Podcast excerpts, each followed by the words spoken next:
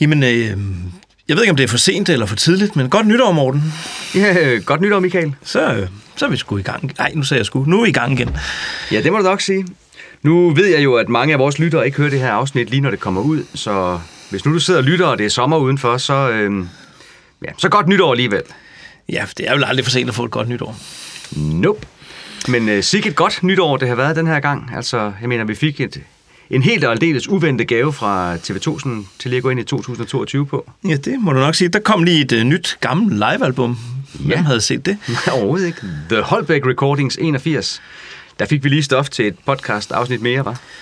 Nå ja, det skal vi vel også lave noget om på det tidspunkt. Ja. Det skal vi. Øh, men øh, det store spørgsmål her nu, Michael, det er jo, om vi har holdt så lang pause siden sidste afsnit, at man kan tale om, at øh, det her det er starten på sæson 2. Øh, vi taler kun om TV2. Altså, vi er i hvert fald gået ind i podcastens andet år, så, men altså en ny sæson, det ved jeg ikke. Skal vi dele op i sæsoner, eller? Nej, det tror jeg ikke. Konceptet er jo stadigvæk det samme, ikke også? Vi Ja. lytter til alle TV2's album og kommenterer på hver eneste sang. Ja, og så forsøger vi at finde en masse interessante facts og ja, sjove historier. Ja, og så finder vi anmeldelser fra den gang, hvor pladerne udkom. Og jeg hedder stadigvæk Michael, Og jeg hedder stadigvæk Morten. Og øh, vi er forfærdeligt glade for, at du har valgt at lytte med. Velkommen til 8. afsnit, som kommer til at handle om det helt utroligt imponerende, vellydende, storhittende og kulturkanoniserede album Nærmest Lykkelig fra 1988.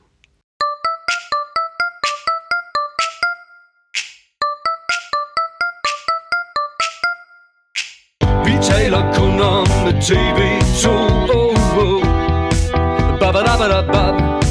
De er gode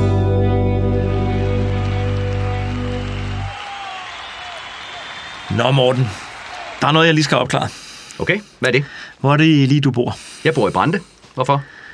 Altså, hvis, nu, det er jeg ikke sådan helt skarp i den der jyske øh, geografi. Okay. Hvor, er det, hvor er det præcis Brande ligger? En Brande ligger sådan øh, cirka midt imellem Vejle og Herning.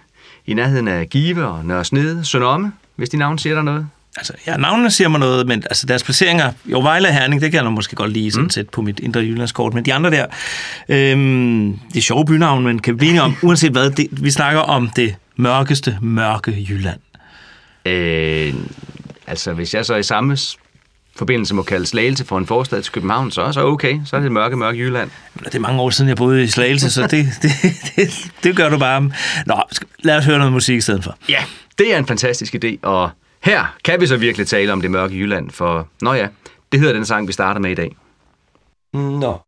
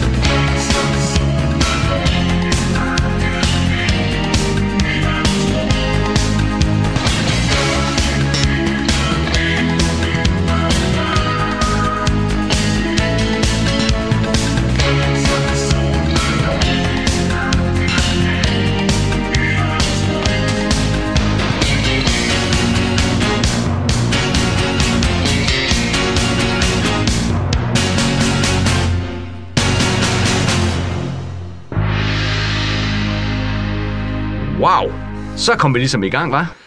Ja, det kan du da godt sige. Jeg kan huske, at du ikke synes, at uh, Giv mig lige fra en dejlig torsdag var en særlig stærk albumåbner. Hvad tænker du den her gang? Jamen, det er jo noget helt andet. Hold nu op. Det er The Album Opener to End All Album Openers. Jeg bliver simpelthen blæst bagover, hver gang den sang den starter. Det er så stort, og det er så velspillet. Jamen, det var da godt, Morten. Det er jo rart, at vi ikke skal starte med at være uenige i dag. Ja, det kan der være noget om. Øh, Bornholms Tidene skrev i sin tid om lige præcis den her intro i Det Mørke Jylland, at samspillet mellem Svends trommer og Geos bas fungerede som en velsmurt rytmegenerator, og at nummeret var både majestætisk og mægtigt i lyden. Jamen, det kan det godt have ret i over på Klippeøen, og det, og det er jo super fedt nummer, men altså, nu har jeg så siddet og hørt det nogle gange her med min 2022 ører, og jeg mener om, jeg er måske ikke helt længere så vild med den der robotstemme til sidst. Øhm, Okay? Den synes jeg er meget fed. Jeg tror ikke, jeg vil ændre et komma i den her sang, selvom jeg kunne. Der er jo også en ret god tekst om det der med at have små børn, øh, og samtidig være bange for at gå glip af noget. Det tror jeg, alle forældre kan øh, snakke med om. Øh, jeg havde nogle venner der i slut 80'erne, som fik børn allerede dengang, hvor pladen udkom. Øh, og selvom de ikke boede i det mørke Jylland, så kunne jeg bare se dem i den der sang. Mm-hmm. Øh, men altså for min eget vedkommende, så, så huserede jeg videre på Café Aben 20 år endnu. Ja, okay, og jeg var, jeg var 13 år, da pladen udkom, så jeg var heller ikke helt nået til det med børn endnu. Men da jeg så fik børn mange år senere, så lavede jeg sådan konstant Facebook-opdateringer, eller min dag ligner forkølede børn, eller tidens mælketand knæver hul i min nattesøvn. Så skal jeg lige lov for, at jeg forstod den sang på en helt anden måde lige pludselig. Jeg kan huske Steffen Brandt til koncerter i de i senere år, så han har altid præsenteret den her sang med nogle ord om, at den, dengang i 80'erne, der gik han jo rundt med sin barnevogn og med sundelig på dem, der drønede forbi deres smartbiler. Ja, og, og nu var det så ham, der drønede rundt i sin smarte bil og var misundelig på dem, der gik med deres barnevogn. Ja. ja det, det er en ret sjov pointe, synes jeg. Vi, vi bliver aldrig helt tilfredse, gør vi? Nej, Nej. Øh, han sagde også til det frie aktuelt dengang, at han ikke syntes, at det var bedre at gå på café, end at gå med barnevogne. Og så tilføjede han, selvfølgelig er jeg bange for at gå glip af noget, men jeg vil ikke bytte min barnevogn væk. Man må træffe et valg. Sangen handler om forvirring og restløshed. Det er vigtigere at få forvirringen frem, end at få den opklaret. Der er ikke en forklaring på alting. Nej, og lige præcis det der med de færdige forklaringer på alting, det skal man aldrig rigtig regne med at få af Steffen Brandt. Han vil partout have os til at tænke selv. Ja, det er for dårligt. Irriterende type. Ja. På den fede måde. på den fede måde. Så, øh, I 88 så sendte øh, Danmarks Radio sådan en portrætudsendelse af Steffen Brandt, og altså, den er ret sjov at gense, øh, for der opstår flere gange sådan en ret akavet stemning, når intervieweren altså nærmest forsøger at aftvinge Steffen Brandt et svar på, hvad sangen egentlig helt præcis betyder. Mm-hmm. Øh, prøv lige at høre hendes forsøg her på for, til at forklare, hvad det egentlig vil sige, at drømmene løber i vand. Hvad sker der, når drømmene løber i vand? Nej, det kan du ikke være bekendt. det kan du... Det er sikkert, sådan kan man jo ikke... øh, Altså... Der sker det. Ja, Nej, det... Bliver de kede af det? Bliver de glade? Forsvinder de? Øhm, ja, hvor, hvor, hvis du nu... Øh, så nu må jeg øh, stille dig et, et modspørgsmål, ikke? Altså, hvad er det normalt, der løber i vand? Ja, det, skal, du- det skulle du så svare på, ikke? Mm. Hvad er det normalt, der løber Og hvad skal jeg så svare? Ja, du skal svare, hvad det normalt er, der løber i vand. Og jamen, det ved jeg ikke. Jo, man har et udtryk. Tårerne. Ja, når Øjnene. øjnene, Ja. løber i vand, ikke? Jo. Og hvorfor løber øjnene i vand? Mm. Jamen ikke... Jamen, jeg spørger dig. Fordi man græder. Ja. Ikke altid. Øjnene kan løbe i vand, hvis man øh, kører meget stærkt på øh, motorcykel. Ikke? Eller hvis man øh, øh, kommer ud for en, øh, en, øh, en oplevelse, som øh, bevæger en. Ikke? Jo, men i den her sang kører du jo hverken på motorcykel eller bliver særlig bevæget. Du render rundt med en barnevogn Ja, i det mørke Jylland. Ja, og der er det netop, at det med drømmene, der løber vand, ikke? det er for at antyde, at det ikke, hvad skal man sige, vi går ikke rundt med der er fart på. Tempoet, det er hastigheden. I den. Nej, det er selvfølgelig noget sludder. Øh, når drømmene løber i vand, ikke? så skal vi have det hele med i den sammenhæng. Fordi det er jo et billede, og øh, det er jo mere end bare lige øh, et forsøg på at, at pytte lidt rundt på nogle ord, og så ser det nok smart ud. Altså den foregående, de foregående sætninger siger jo, min dag ligner forkølede børn, og tidens mælketand gnaver hul i min nattesøvn. Drømmene løber i vand. Og når det, altså, drømmene smuldrer, simpelthen, kan man sige, ikke? Du, Brad, Hvorfor gør de så det? Jamen, det gør de jo. Jamen, Du må ikke være så... Det ved jeg ikke. Det kan jeg ikke svare på. Altså, min 12-årige datter, hun ville kalde det der for akavet. ja. Når man ser det klip, så kan man tydeligt se, at han bare slet ikke har lyst til at prøve at forklare det. Lyt til sangen, dame, ser det ud, som om han tænker. Ja, hvis man vil have lidt visuel lem til forståelsen, så er der jo faktisk lavet en musikvideo til øh, sangen. Ja, og øh, det er et af de steder, hvor vi to kan blive virkelig detaljeret, hvis nogen har lyst til at kende alle detaljer. For vi kan faktisk afsløre, at den video den blev optaget søndag den 28. august 1988 i Råbjerg Mile. Ja, og så kan jeg jo så tilføje, at Råbjerg Mile, det er Danmarks største vandreklit. Mm-hmm. Øh, den ligger 15 km syd for Skagen og flytter sig 15 meter om året, så hvis man vil ud og finde præcis det sted, hvor videoen blev optaget, så ender man med at skulle stå cirka 500 meter længere mod øst, end der, hvor den så blev optaget. Aha, Er det ikke interessant viden? Det er meget interessant, Ja. Michael. Jeg vidste ikke, du interesserede dig for geologi. Og jo, altså, alle er vel sådan lidt amatørgeologer. Okay. Øhm, ja, ja, nej. Nå, øhm, jeg kan også fortælle, at man i den lokale avis, som simpelthen hedder Skagens Avis, Ja, det er et godt navn. Ja, ikke? Øh, nej, Skagens Avis, der annoncerede man efter lokale folk, som havde lyst til at stille op med deres barnevogn og medvirke som statister i TV2's nye musikvideo. Og der var så cirka 20 barnevognschauffører, der troppede op og havde en herlig dag. Og de blev endda belønnet med både sodavand, øl og mader. Og for at det ikke skulle være løgn, så fik de også alle sammen en billet til TV2's koncert i Skagen den 30. oktober. Jamen, det var da en ret god løn, sådan en koncertbillet, synes jeg. Så hvad ville de have gjort, hvis det var blevet regnvejr på optag i dag? Ja, det ved jeg ikke. Så var det nok øh, løbet ud i sandet.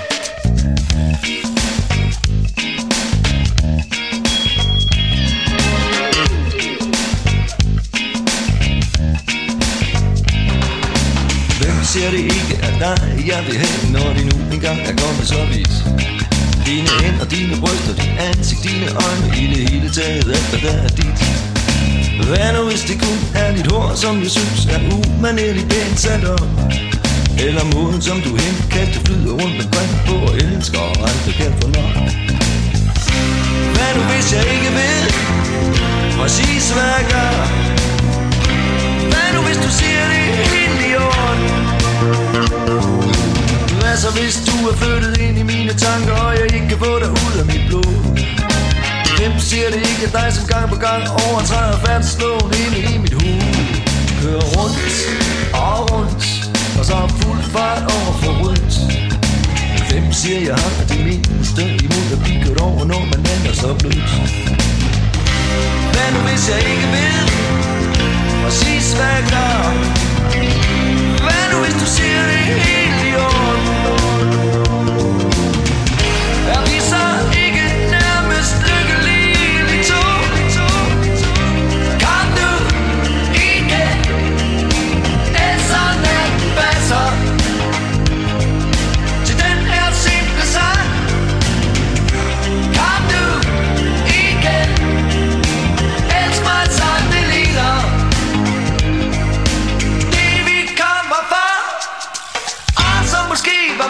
ingen en gang Rolig, rolig, skal vi så lige se Jeg kommer ned på jorden igen Sådan kan man ikke, og nogle gange er det den stemme tænder ikke lige nemt Der er dage, hvor tallerkenerne ryger gennem luften, og det hele kører op og ned.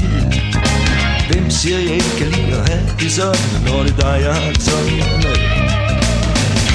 Hvad nu, hvis jeg ikke ved præcis, hvad jeg gør?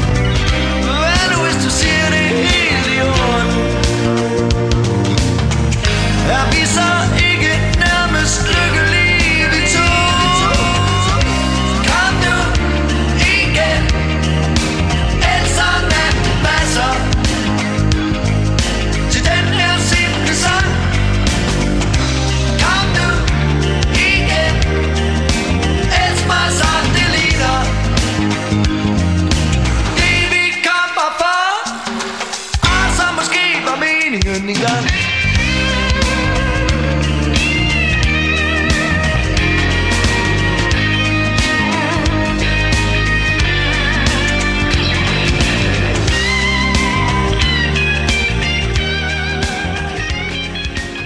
Altså, den sang, den er bare noget af det mest geniale, der nogensinde er skrevet.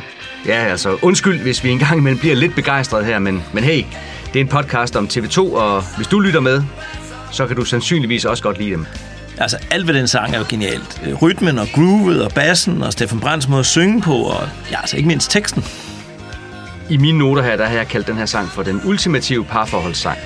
Øh, jamen, jeg er jo enig. Øh, det er i hvert fald en meget realistisk beskrivelse af, at det både kan gå op og ned i et parforhold. Jeg elsker linjen. Hvem siger, jeg ikke kan lide at have det sådan, når det er dig, jeg har det sådan med? Men altså, hvis jeg skulle fremhæve alle genialiteterne i den her sang, så, øh, ja, så skulle jeg nærmest læse hele teksten højt. Det behøver du ikke, Morten. Jeg er helt sikker på, at vores lytter de kender den der sang frem og tilbage. Ja. går jeg også ret stærkt ud fra, faktisk. Men altså, det er jo så godt beskrevet, det der med kun i gåseøjne at være nærmest lykkelig. For hvis man stræber efter evig lykke, så ender man sandsynligvis med at blive skuffet. Lige præcis. Men øh, hvis man nu bøjer ordet nær, nærmere, nærmest, så er nærmest lykkelig jo også ret tæt på i virkeligheden. Altså, jeg har skrevet to kærlighedsromaner, og den her sang, det kunne man godt være, sådan, være en slags stræbersang for, for hovedpersonen, fordi han kæmper for at komme til at opleve noget, der minder om altså det, der foregår i den her sang. Mm. Øh, så ja, man vil også gerne bare ind i det der parforhold med de op- og nedture, der er. Ja. ja. Jeg tænker, det er okay på det her tidspunkt, Michael, hvis du lige fortæller lytterne, hvad, hvad bøgerne egentlig hedder. Oh, ja, øh, ja, de hedder øh, Skal vi knalde, mens vi venter? Mm. Og det var ikke et spørgsmål. Og så hedder det Skal vi elske, før vi dør? Og det var heller ikke et spørgsmål Nej, til dig. Men, nej, øh, godt men det hedder de to romaner. Ja, Og det er nogle gode romaner. tak. Har du læst den? Ja, det har jeg da. Ja, Ja, ja. ja selvfølgelig. Så der er også lidt hint til et par TV2-sange, hvis man er til den Ja, slags. det må man sige. jeg kunne godt spotte det. Inspiration, jamen det skal vi også have et eller andet sted. Så. Nå, tilbage på sporet. Vi taler jo kun om TV2. Yes. Ja, og TV2 selv havde nogle både seriøse og nogle knap så seriøse bud på, hvorfor sangen og pladen kom til at hedde Nærmest Lykkelig. Steffen Brandt sagde til Amtsavisen Randers, at den nok ville have heddet overstrømmende lykkelig, hvis den var udkommet i Italien, eller straordinariamente felice, hvis ellers Google Translate er til at stole på. Og til Berlingske, så sagde han det her. "Øh, Jeg synes, det er at være meget stor i slaget og kalde en plade nærmest lykkelig. Hvad mere kan du forlange? Hvis du er helt lykkelig, tror jeg ikke, tingene hænger sammen. Så er der nogle ender, du skærer af. Du får ikke alle frekvenserne med. Du går glip af noget. Når du er nærmest lykkelig, får du både op- og nedturene med. Jeg har ikke lyst til at opnå en eller anden salighedstilstand, som mange religioner tilbyder direkte adgang til. Sagt sådan helt banalt, hvad er det, man bruger sin kostbare tid på? Og det er blandt andet det, pladen her handler om. Mm-hmm. Så blev vi kloge på det. Ja. Hvad øh, siger du egentlig om musikgenren her, Morten? Er det her en, øh, en, er det en reggae-sang? Nej, det er- Marley nej, det er det den? ikke. Det er det ikke. Det Er er du det sikker? Jeg er helt sikker, og jeg kan bevise det.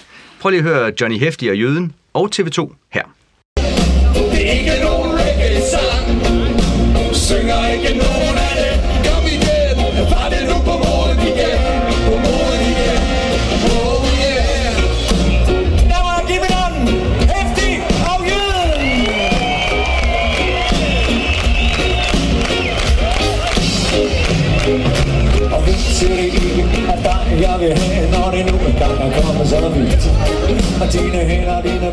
Okay, det var da vist temmelig live og lidt fjollet. Ja, ja, men TV2 ville ikke være TV2, hvis ikke også de var lidt fjollede en gang imellem. Så øh, på tv, der kunne man dengang høre alle deres succeser ramset op, efterfulgt af spørgsmålet om, hvorfor pladen så alligevel kun hed Nærmest Lykkelig. Og det havde de nogle bud på, dem skulle du prøve at høre, de kommer her. Øh, Vi havde det ikke godt dengang. Jeg husker for eksempel en morgen, jeg vågnede op med huset fyldt med hundevalpe. Og jeg vidste ikke engang, at jeg havde nogen hund. Man kan altså ikke spise ham med mere end 14 gange om dagen, selvom man er sulten. Som øh, Konfutse siger, sig mig dit navn, og jeg skal sige dig, hvad du hedder. Jeg kan huske, at det en gang på et eller andet tidspunkt øh, kom til at se mig selv i spejlet. Og så tænkte jeg simpelthen, hvor herre bevarer altså. altså, hvem har hængt det spejl op, klods op og ned af mine øh, Karl Aldring diskografier. Og på en måde er det ligesom øh, første gang, man opdager, at der ikke er IS whisky i tobakken. Man mister jo nogle illusioner og kunne lige så godt købe sand i Sahara. Og så tror jeg egentlig selv hellere, jeg vil have penge.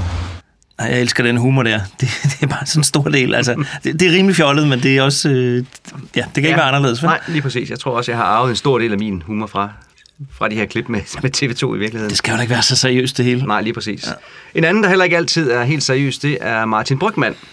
Og han øh, spillede i, sin, i sit program en trekant, en sang, en coverversion af Nærmest Lykkelig, som jeg lige tænker, vi kan høre lidt af her. Og udover Martin Brygman, så medvirker også Digte, Jimmy Jørgensen og The Aarhus Horns. Ja, det er nemlig godt. Du kører bare kan hånden. Digte. Ægget Jimmy. Roadside Anders. Aarhus Horns holder sig klar. Sig det ikke er dig, jeg vil have, når det nu engang er kommet så vidt? Dine hænder, dine bryster, dit ansigt, dine øjne i det hele taget, alt hvad der er dit. Men hvad er nu, hvis kun er et hår, som jeg synes er umanerligt pænt sat op? Eller måden, som du henkaster videre rundt omkring på og elsker og aldrig kan få nok? Hvad nu, hvis jeg ikke ved præcis, hvad jeg gør? Hvis du siger, det er helt i orden? Hvad så, hvis du er flyttet ind i mine tanker, og jeg ikke kan få dig ud af mit blod? Ah, han rammer den ikke helt, gør han? Ej, det virker lidt som om, han ikke har hørt den sang helt så mange gange, som, som vi to har. Men, men hornene, de var helt i orden. Når jeg synger med på sangen, så laver jeg altid en lille fræk tilføjelse til den der linje. Hvad nu, hvis du siger, det er helt i orden? Fordi jeg synger nemlig, hvad nu, hvis du siger, det er helt i orden, Morten, Morten. Jeg kan godt høre, det må ligge lige til dit højre ben at synge det. Så øh, har du forresten set musikvideoen? Eller, det har du vel? Ja, det har jeg. Og nu vi taler om ting, der er lidt fjollet, så er den musikvideo, der er vist også med i den kategori. Ja, det kan man roligt sige. Altså, undervejs i videoen, der bytter de her Brandt, Gavl, Lærkenfeldt og Olsen i hvert fald plads, så man øh, for eksempel ser Steffen Brandt bag trommerne, og Svend Gavl på bas, og Hans Erik øh, ved keyboardet.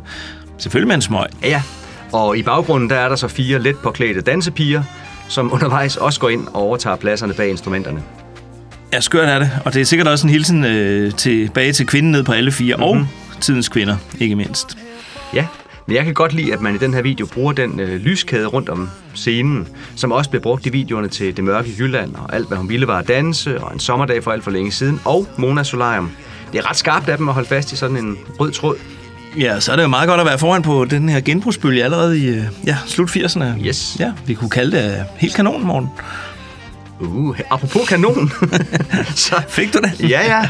Så kommer vi jo heller ikke udenom, at vi skal tale lidt om den store forkromede og helt officielle danske kultur, kanon. Nej, det gør vi ikke. Du må fortælle om den der kanon. Ka- kanon. Ja. Ja, øh, jeg gik ind på Wikipedia for lige at få styr på et par detaljer omkring den der kulturkanon. Og det første, der står, når man kommer ind der, det er, dette er ikke et våben. For våbnet kanon. Se, kanon. Jamen, øh, det er da godt, Wikipedia, de lige kan skulle spole os ind på, hvad det handler om. Så, Ja. Og hvad det ikke handler om. Ja. Ja, så øh, kulturkanonen er altså ikke et våben, eller kanonen er ikke et våben. Hvad er det så? Det er en liste med 108 kunstværker, som syv udvalg, nedsat af den daværende regering, fandt essentielle i den danske kulturarv i 2006. Listen er delt ind i forskellige kategorier, som for eksempel arkitektur, billedkunst, film og selvfølgelig musik. Og på musikdelen af listen finder vi Nærmest Lykkelig.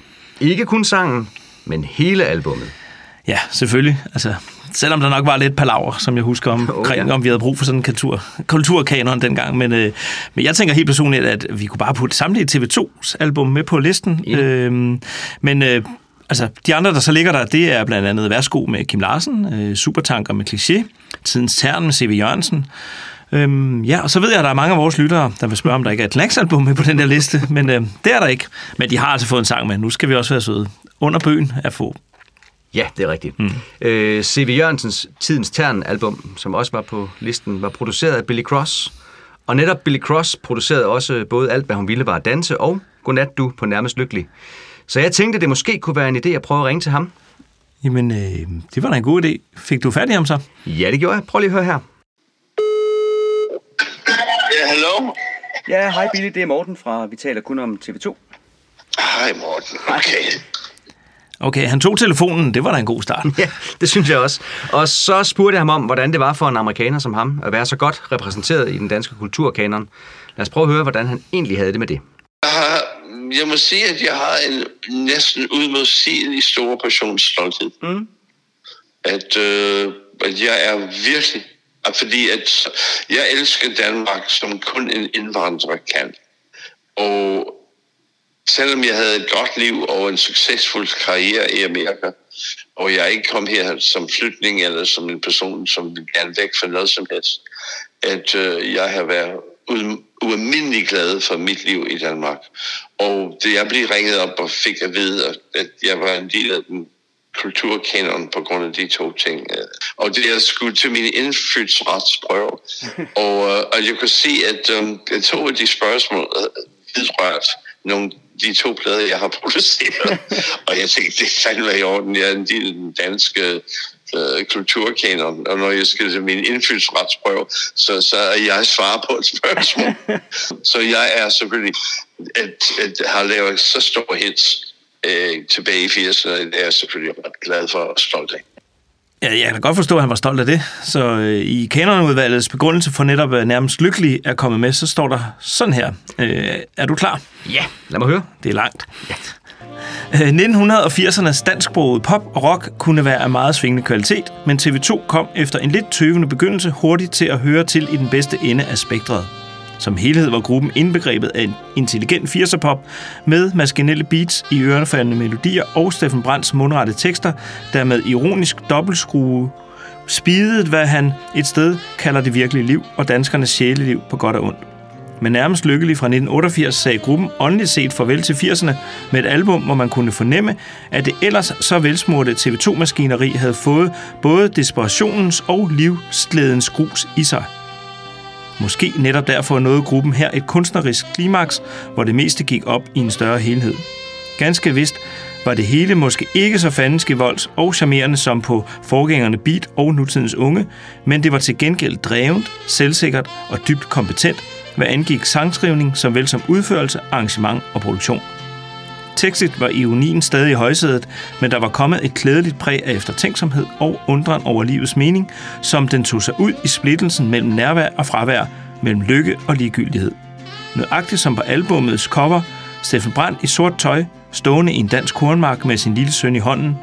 Sønnen kigger nysgerrigt op på fotografen, men Brandt selv, mens men Brandt selv står med ryggen til, og i den anden hånd ført op til ansigtet, ubehjælpeligt reflekteret over livet i netop i et øjeblik, hvor han burde leve det. Ikke uden grund hed en af sangene også Kys til nu, det satans liv. Mere end nærmest lykkelig bliver man aldrig. Okay så. Så fik vi det vist også det hele med. Skal du have et øh, glas vand eller noget ovenpå? Ja, jeg tager lige et uh, tør vand. Ja, ja. nøjes med det. Ved du hvad, Morten, jeg skulle hellere have en kaffe eller en cola. Whisky-cola. Måske bajer. Mens du lige kommer til hægterne igen, så kan vi jo passende høre den næste sang, som blandt andet udmærker sig ved at sende en hilsen til titelsangen på Tæt Trafik i Herning. Okay, det er altså ikke lige helt fanget. Hvordan det? Jo, i Tæt Trafik i Herning, der drejer hovedpersonen af mod Holstebro og sætter turbo på. Og turbo, det er titlen på den næste sang på pladen.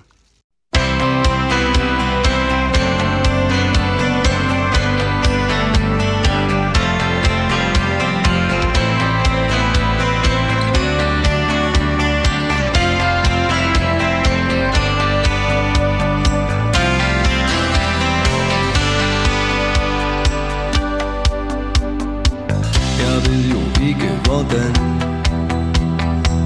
Jeg havde forestillet mig Sådan et liv skulle være Helt fantastisk, tror jeg nok. Og kun lidt besværligt. Og der var ingen tvivl. Alt skulle væk og rives ned. Jævnes med historien Bygges op af kærlighed Glæde og begejstring.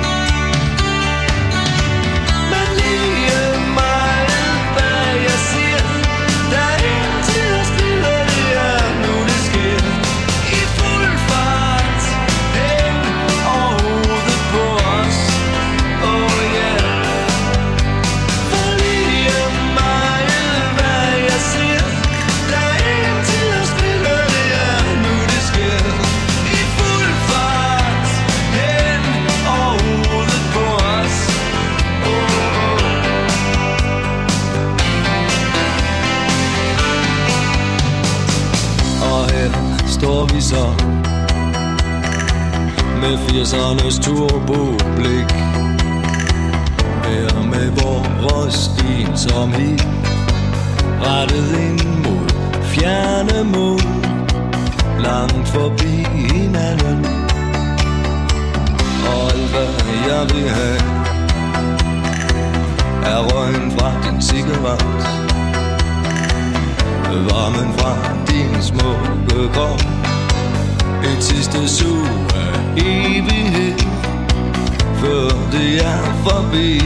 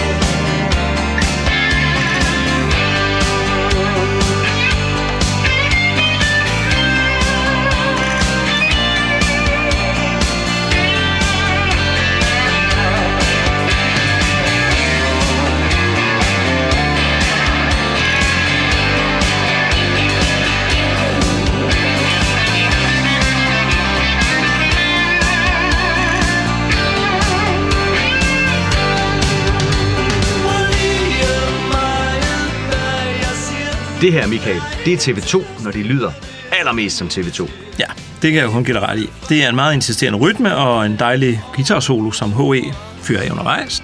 Ja, han kan endnu den gode HE. Så her har vi 8. dele på bas og guitar. Vi har et keyboard-tema, et meget markant omkvæd, Steffen Brandt, der både synger dybt og højt og endda i falset, og så en forrygende guitar-solo. Jeg gentager, det her, det er TV2, når de lyder allermest som TV2. Og så er det en tekst, der handler om at leve livet lige nu, og om angsten for at gå glip af noget. Der er noget kærlighed og noget eksistentialisme indover.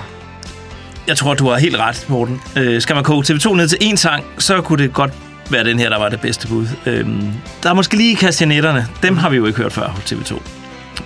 Nej, det tror jeg egentlig, du har ret i. Men øh, kastanjetterne ødelægger nu ikke indtrykket af en fantastisk og, og meget, meget typisk TV2-sang. Nej, og den bliver heller ikke ødelagt af, at han undervejs lidt tidstypisk øh, synger om 80'ernes turboblik. Nej, for det viste sig jo, at den her sang fik et langt liv efterfølgende til koncerter. Men 80'erne kunne uden problemer ændres til først 90'erne og sidenhen til et nytårtusindes turboblik. Ja, og tidsting. Der er også noget cigaretrøg i, i sangen. Det er jeg ikke sikker på, at han ville have inkluderet, hvis han øh, havde skrevet den i dag. Men øh, det er nok også de færreste sangskrivere inde, der skal forholde sig til deres tekster om sådan 30 år efter, eller 30 år i fremtiden. Ja, det tror jeg, du har fuldstændig ret i. Det er ikke mange. Øhm, og så er Steffen Brandt jo altså bare verdensmester i at skrive ørefaldende omkvæd, øhm, og det demonstrerer han så også i den her sang. Ja, og det der med de ørefaldende omkvæd, det er en evne, han, han har, som også er blevet bemærket af hans kolleger.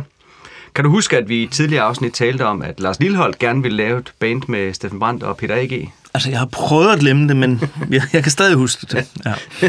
øh, Lars Lilleholdt, ham vender vi lige tilbage til det her afsnit, fordi han i 1988 fortalte til Det Fri Aktuelt, at han gerne ville skrive en sang til Dansk Melodi Grand Prix. Og i den forbindelse havde han så efter sine ringet til Steffen Brandt for at få et godt råd til, hvordan sådan en sang skulle være. Og øh, fordi at Steffen Brandt, han havde stor erfaring i at skrive Grand Prix hits, eller hvad? Så skulle han ikke have ringet til Tommy Sebak eller Jo, Glenn Haik? Ja, jo, du har ret, men nu skal du ikke ødelægge anekdoten. Nej, undskyld. Fordi Lars Lillehold sagde, øh, eller Steffen Brandt sagde til Lars Lilholdt, at han skulle skrive et, og nu citerer jeg, et blandet dansk mælkerace omkvæd med noget wow, wow, wow. Og det gjorde han så. Sangen kom aldrig med til Grand Prix'et, men øh, den udkom dog på plade alligevel. Øh, vil du høre, hvordan et øh, blandet dansk mælkerace omkvæd med wow, wow, wow lyder, når Lars Lilholdt prøver at lyde som Steffen Brandt? Altså kun fordi Steffen Brandt har været inde over, for det, så synes jeg ikke, vi skulle høre Lars Lillehold i vores øh, TV2-podcast. Øh, Men altså, du har også fundet tid på, eller brugt tid på at finde anekdoten, og ja, giv den nu gas. For jeg vil være stjerne, det ved du også gerne Alt er kun en genvej også gerne Håber vi bliver stjerner i vores eget liv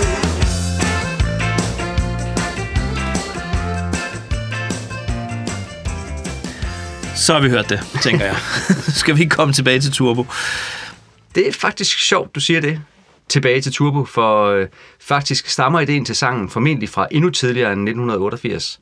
Steffen Brandt har aldrig lagt skjul på sin beundring for digteren Per Højholdt, og han udgav allerede i 1968 digtsamlingen Turbo. Ja, og den digtsamling blev faktisk indspillet samme år som en radiomontage med meget tidligt elektronisk musik. Og i 2001 blev den genudgivet sammen med helt nye versioner af digtene. Og den plade hed netop Tilbage til Turbo. Og hermed medvirkede Steffen Brandt sammen med Halfdan E., som vi vender tilbage til i senere afsnit, på nummeret Henry ind i landskabet, som jeg synes, vi skal høre lidt af her.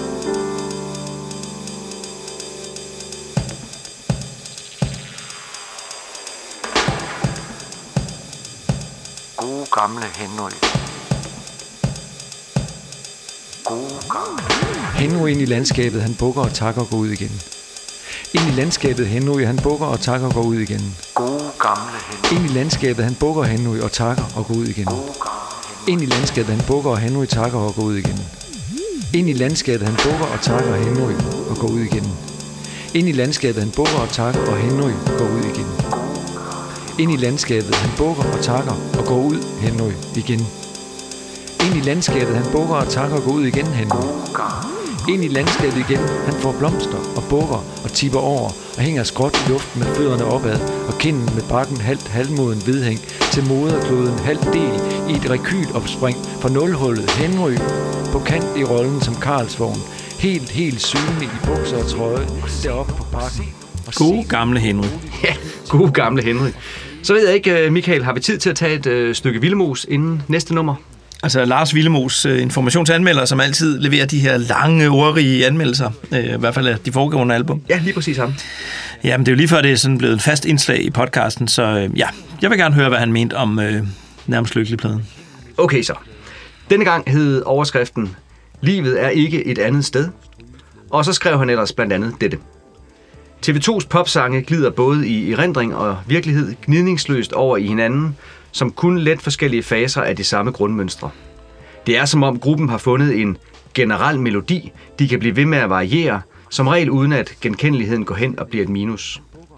Det faktum alene siger mere om deres kvalitet end det sædvanligvis store antal plader, der omsættes, hver gang TV2 udkommer igen. TV2 fungerer næsten uantasteligt i noget, der er deres helt egen tradition. Antallet af potentielle hits på denne nye LP er som sædvanligt meget stort. Der er så at sige ikke en eneste hurtigt glemt melodilinje, og TV2 formår på uudgrundelig vis at tilpasse deres små Beatles-lån, deres strejf af både monkeys, techno og jazz, og deres typisk danske ballader til en spillestil, der integrerer i stedet for at ekspandere, destillerer i stedet for at overlæse. På gruppens nye LP er der dog kun mærkbar ekspansion et sted, nemlig i Steffen Brands stemmebeherskelse, som forekommer forynget med en ny og ren kraftfuldhed, der for eksempel i titelsangens langt fra konfliktløse besøgelse af charme ved det brugte og seje parforhold, har et nyt frægt smæld og en vital friskhed. Pyha, nu er det dig, der skal have lidt vand, Morten, tror jeg. Eller lidt, øh, lidt bajer. Nå, men altså, vi kan i hvert fald konstatere, at Villemos, han kan stadigvæk lide TV2 på det her tidspunkt. Ja, selvfølgelig da. Men da han jo er ansat på information, så efterlyser han også, at TV2 kunne synge om for eksempel afgrund, katastrofe, økologi og massebedrag på samlebånd. Og hvorfor skulle de så det? Ja, Det skulle de, fordi, skriver han, verden er mere end børnepasning, parforhold og beskeden optimisme. Så der skal simpelthen synges om afgrunde og katastrofer for at tilfredsstille informationslæsere. Ja, er det ikke til- det, vi kan udlede? Jo, til synligheden. Men altså, hvis nu han havde hørt bedre efter, så dukker afgrunden jo faktisk op på side 2 af pladen i sangen Der er kun dig og mig, som vi når til lidt senere. Nå ja, øh, der er kun dig og mig og en afgrund, der skiller os. Og hvis du falder, ved ingen, hvad der sker. Lige ret- præcis. Ja. lige præcis. Og så dukker afgrunden endda op senere igen. Hvis du springer, så please tag mig med. Så alt, hvad du ønsker, skal du få. Også i den grad. Men det er jo først på Slaraffenland. Nå ja, det har du ret i.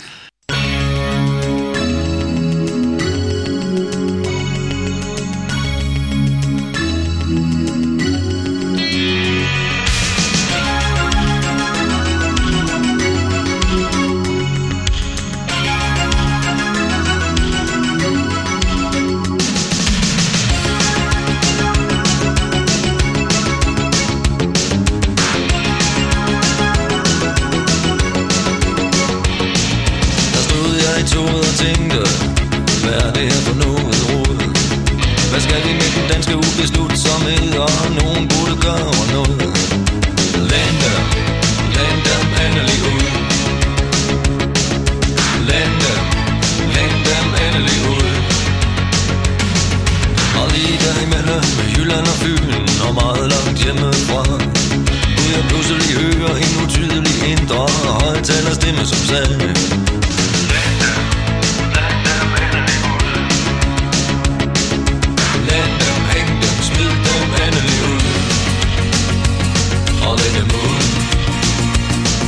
Hold dem ud Hold dem ud Hold dem ud over reglerne, systemerne, principperne Og smid dem endelig ud Uden for det hele kunne jeg se mit liv.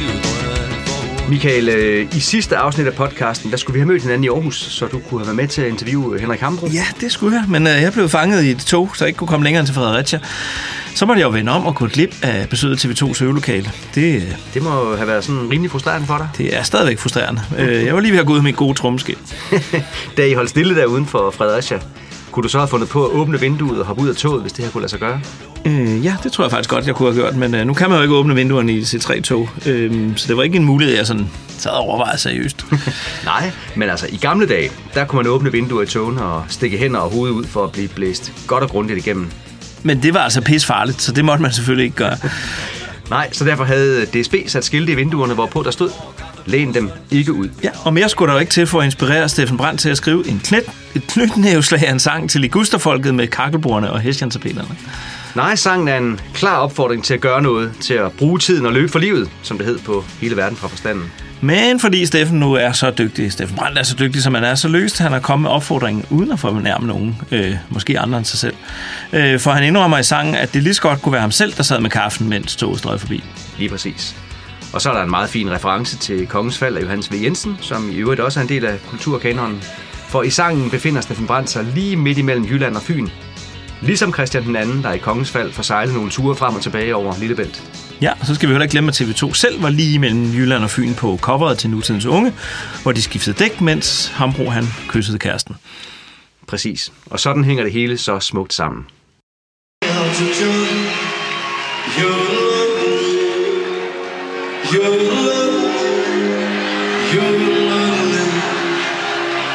She told me how to jump.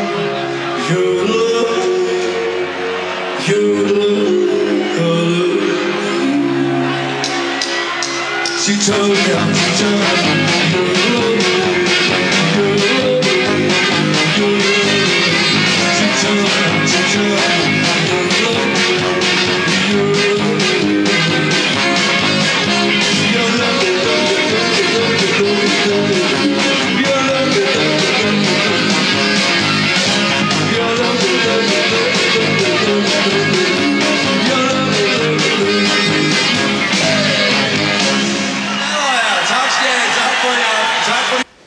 I forbindelse med turnéen, der fulgte efter pladeudgivelsen, blev der indspillet en koncertfilm, som mange år senere blev udgivet på DVD i forbindelse med udsendelsen af Greatest Hits-albummet Hits. Det er simpelthen en genial titel til et opsamlingsalbum. Ja, what you see is what you get. Mm. Koncertfilmen er et overflødighedshorn af liveoptagelser af både nye og ældre sange, ligesom man undervejs også får et ret godt indblik i orkestrets humor. Der bliver i hvert fald festet igennem med diverse fjollede interviews, øh, men skal vi ikke lige høre lidt af, hvordan Lent Mud lød live? Jo, lad os det.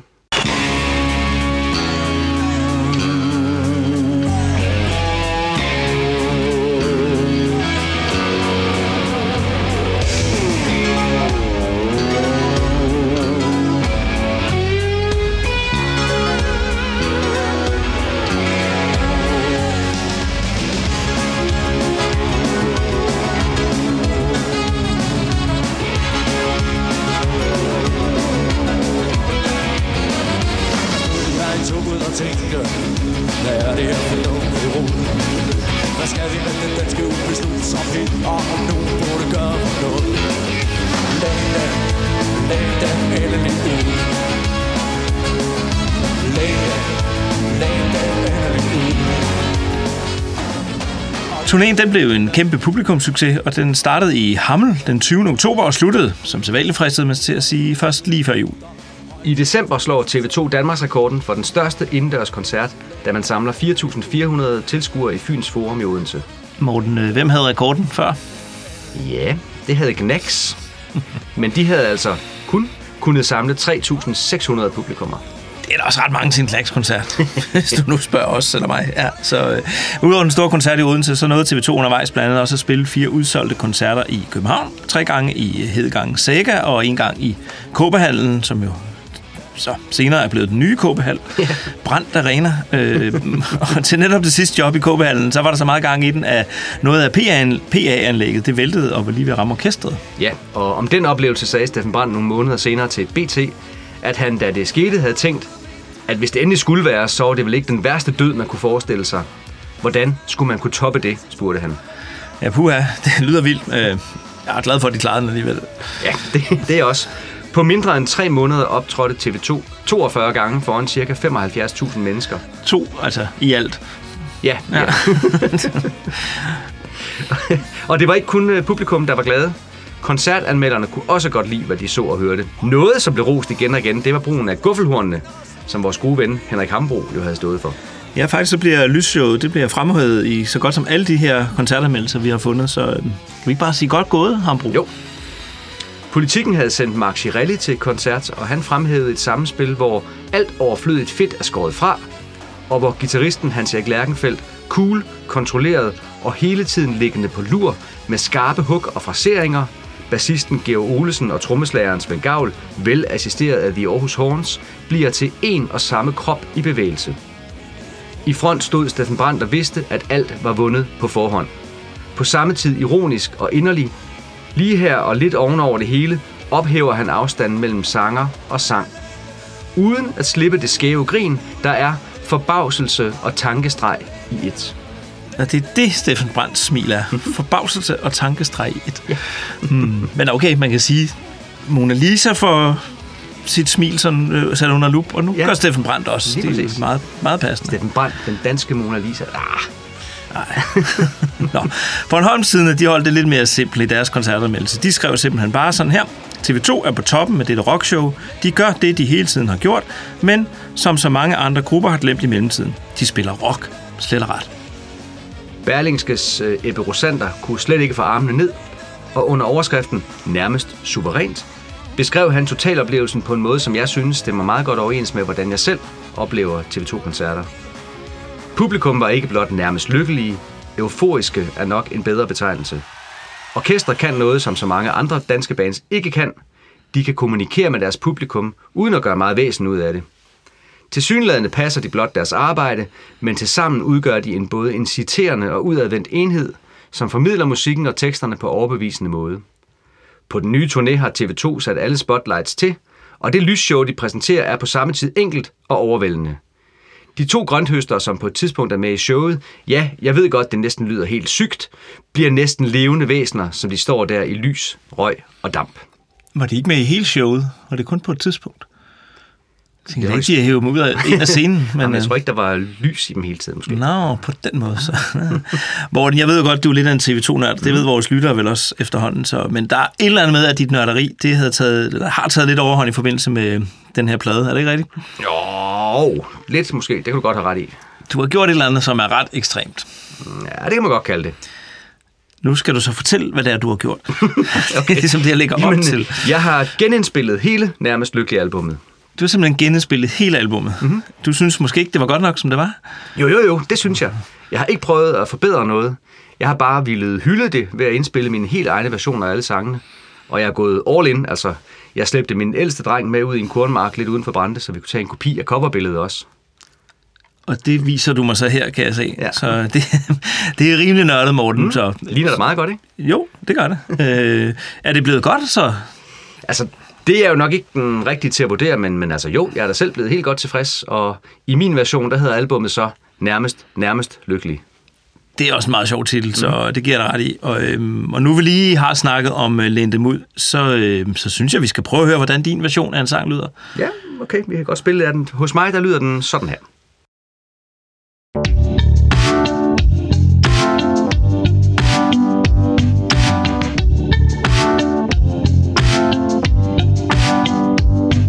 Der stod jeg i toget og tænkte Hvad er det her for noget rod? Hvad skal vi med den danske ubeslutsomhed? Og nogen burde gøre noget. Læn dem, læn dem endelig ud.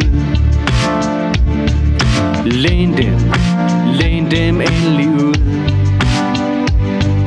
Og lige der imellem Jylland og Fyn Og meget langt hjemmefra kunne jeg pludselig høre en utydelig indre højtalerstemme, som sagde Læn dem, læn dem endelig ud.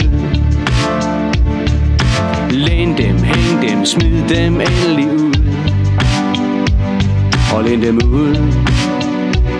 Og læn dem ud. Og læn dem ud. Og læn dem ud over reglerne, systemerne, principperne og smid dem endelig ud.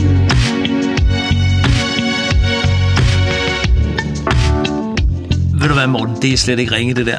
Tak. Ja, og jeg siger det ikke kun, fordi du roste mine øh, romaner tidligere. Altså, jeg kan faktisk godt lide din version. Så... Jamen, øh, jeg, jeg bukker og takker og går ind i landskabet igen.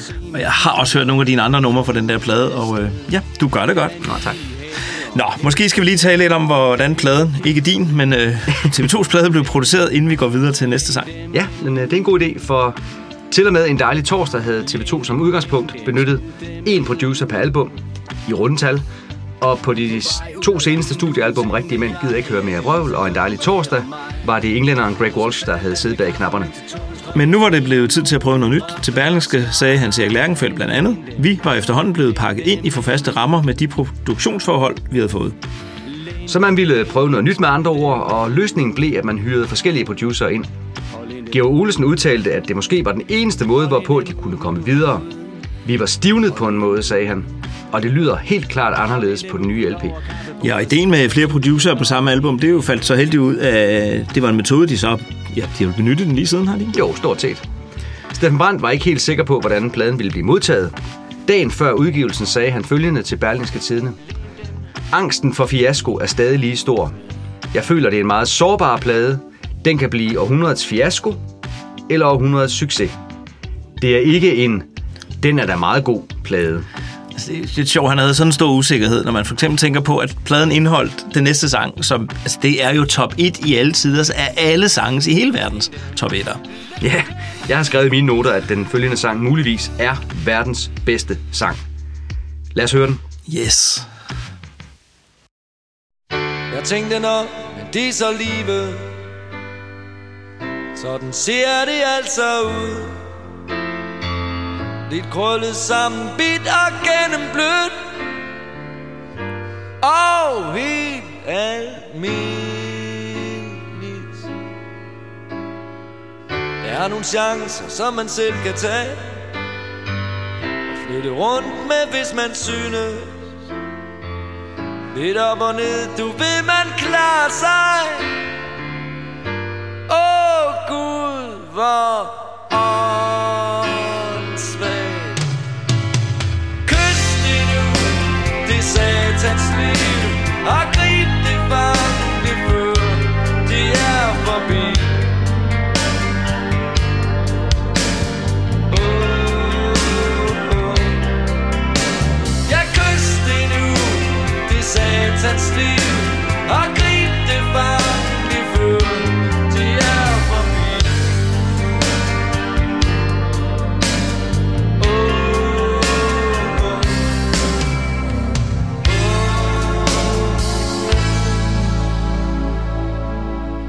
Bedst som livet lige gik så godt. Og bilen næsten var betalt. Kom du og krævede mit hjerteblod. Og intet mindre Jeg tænkte nok, at det nu er rigtig klogt. Måske en smule for moderne. Ja, jo, jeg skal lige og vente dog lidt Åh, oh, Gud, hvor Oh.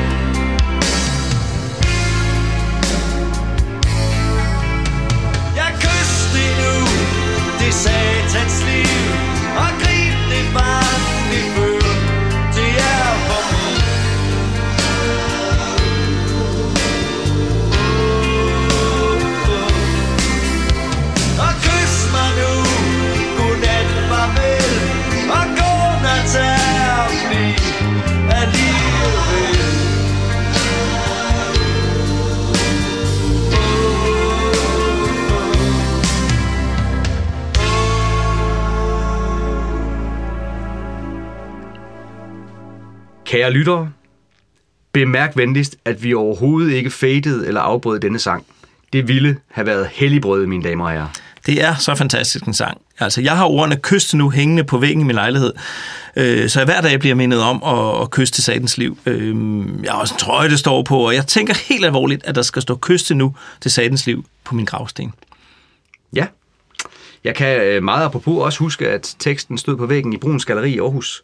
Lige der, hvor man gik ind til toiletterne. Jeg ved faktisk ikke, om det stadigvæk står der.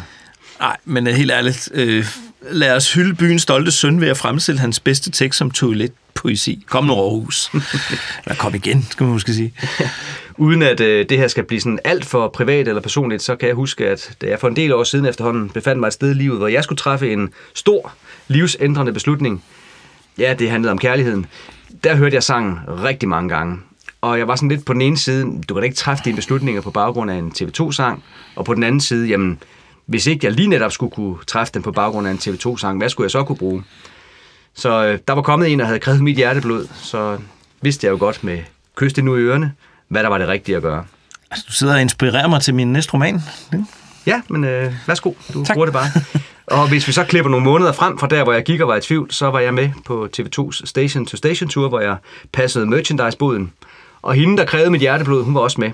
Og så i Tinghallen i Viborg af alle steder, der sneg vi os ind til lydprøven og stod helt alene midt på gulvet i den kæmpe store hal. Og så spillede orkestret Kys til nu det satans liv. Og der virkede det altså godt nok som om, at den sang, der var skrevet til og om os. Ej, nu skal jeg lige tørre øjnene, Morten. det, var, det var en vild historie. Men altså, vi kunne tale om den sang i timevis, og jeg er helt sikker på, at der er masser af vores lyttere, der har deres helt egen tilsvarende eller helt anderledes historie med den her sang. Den er så utrolig god. Tænk at have fundet på at kalde livet for lidt krøllet, sammenbit og gennemblødt. Ja, og så sådan helt overskudsagtigt lige sende hilsen tilbage til beatpladen og sangen, når først vi har fået betalt vores bil. Ja, som vi talte om i allerede det afsnit, så har Steffen Brandt et eller andet med det der med at få betalt sin bil. Jeg ved, om han nogensinde har fået betalt sin bil. så han har i hvert fald sagt øh, til, til Gaffa om sangen, at øh, den kan noget af det, som sangen skal kunne. De skal kunne kridte nogle store linjer op. Hvis man gennemgår en periode, hvor man ikke kan se nogen fremtid eller noget håb, synes jeg, at der skal være nogle sange, der tager en videre. Og den slags sange må gerne våge en påstand, som ikke bare er givet i sig selv. Underforstået. I den sang ligger det jo, at man selv skal agere. Der er desværre ingen lette løsninger. Man kan godt våge at sige, at det kan lade sig gøre, og man kan stramme op og gøre noget ved det, hvis man tror på det. Der skal være sange, der skubber en videre til næste dag. Ja, det kan jeg godt forholde mig til. Jeg har sagt det før, og jeg siger det gerne igen. Steffen Brandt er en klog mand. Men hvis der er noget, som sangen egentlig ikke egner sig til, ifølge mig, så er det fællessang. Ja, det kan jeg godt være enig om. Og på den baggrund er det også lidt underligt, at lige præcis den her sang, det blev Steffen Brands første i højskolesangbogen.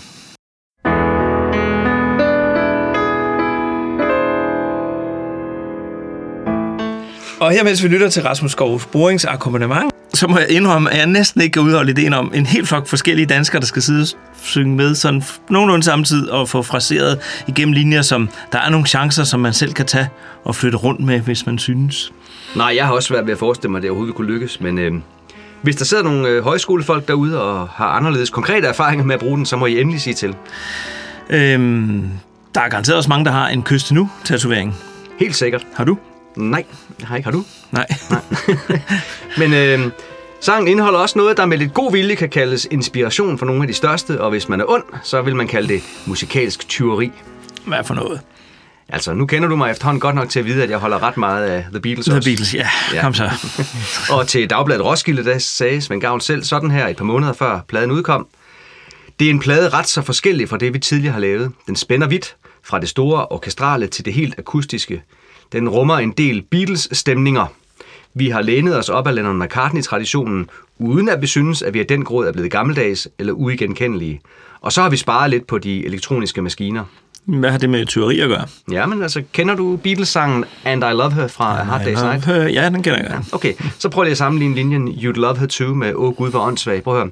You'd love her too. Åh oh, Gud, hvor åndssvagt. Du snakker om dit nørderi før. Det her, nu, nu er vi lidt langt ude. Synes du? Ja, lidt. Ja, okay. Men så fik jeg da lidt uh, Beatles ind igen, ikke? Åh, oh, det var derfor. Okay. Men øh, så vil jeg så gerne være ham, der sniger noget Cirkus Sumam ind i podcasten igen. nu igen? Ja. Ja, for øh, cirkusdirektøren fra netop det her cirkus har faktisk også sunget sangen tilbage i 2013. Prøv lige at høre her. Okay, det må være Rasmus Bjerg. Jeg tænkte, nå, er det så livet? Sådan ser det altså ud. Lidt krøllet sammen, bit og genblødt. Og helt almindeligt. Der er nogle chancer, som man... Okay, det slukker jeg lige for igen. Så kan jeg alligevel bedre lide Kaja Bryl og Ole Kipsgaards version. Den lyder også sådan her. Jeg tænkte, nå, men det er så livet.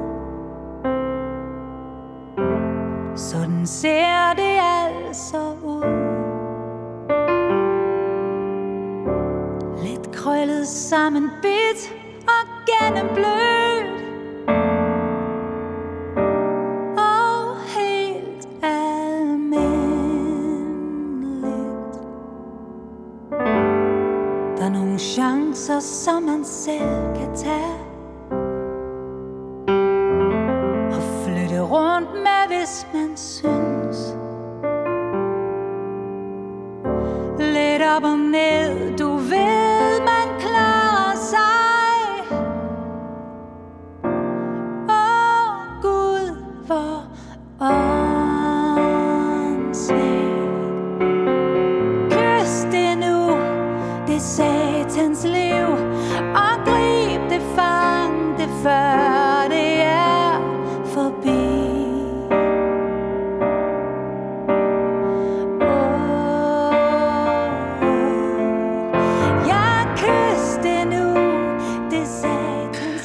Okay, så lad os komme videre med TV2 i stedet.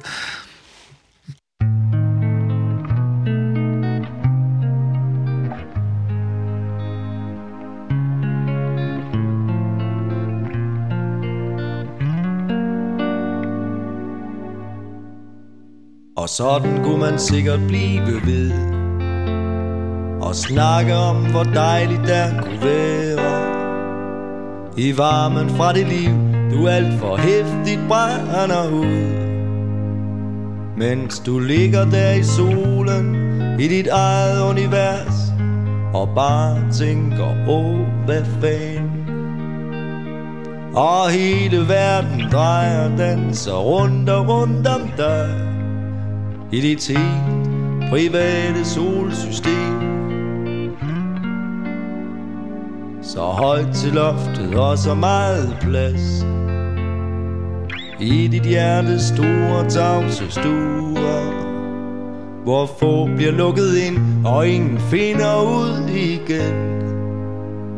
Mens du ligger der i solen, i dit eget univers, og bare tænker, åh, hvad fanden og hele verden drejer og danser rundt og rundt om dig I dit helt private solsystem Og stakkels den som kommer dig Så blev der lige plads til endnu en ballade som øh, sidste nummer på side 1. Ja, TV2 fortsætter traditionen med at slutte stille og roligt af på første side af LP'en. Hvis side 1 startede med et overflødighedshorn af en kæmpe produktion med smæld på og robotstemme og alt muligt, så er vi hernede i en så skrabet produktion, som det nærmest er muligt. Ja, det er bare Steffen Brands stemme og H.E. smukke, smukke guitar og så en lille smule keyboard i baggrunden. Det er virkelig smukt. Og jeg har sådan en eller anden fornemmelse af, at jeg engang har mødt hende der Mona, eller en, der mindede om hende i hvert fald. Altså sådan en, der havde nok i sig selv, og ikke rigtig lå andre komme helt tæt på. Du er måske kommet meget i solarier. ja, men det er de der personer, der føler, at hele verden drejer og danser rundt om dem selv. Dem, dem kender jeg også godt. Øh, Det er et fint portræt af en ikke specielt sympatisk person, Steffen Brandt har skrevet. Ja, og så den måde, han bruger de der geniale billeder med at sammenligne et solarium og et solsystem. Hun ligger i solen i sit eget univers. Der bliver overhovedet ikke sunget ordet solarium. Der skal man faktisk kende sangtitlen for at lave den kobling. Mange år senere, omkring 2013, tror jeg, så lavede øh, produceren og musikeren Mads Bjørn en ny version af sangen, som han sendte til TV2. Øh, De blev ret begejstrede og inviterede ham til at blive en af producerne på albumet Det Gode Liv. Og det var, sådan, og det var vist nok derfor, at hovedpersonen i øh, sangen Brev til Mona kom til at hedde lige præcis Mona. Det er fint, synes jeg, når de på den måde sender hilsner til sig selv på tværs af album og årtier. Jeg har spurgt Mads Bjørn, om vi måtte spille hans version af sangen her i podcasten, og han sagde sørme ja. Fedt, så øh, det vil jeg også gerne høre. Sæt den på, Morten. Jamen, øh, den kommer her. Mads Bjørn og Monas Solarium.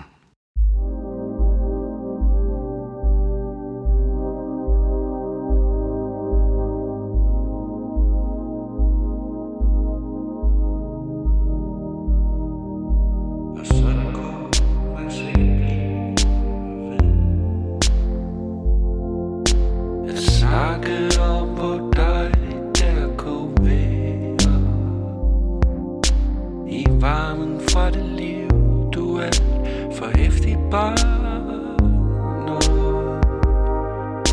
Mens du ligger der i solen I dit eget univers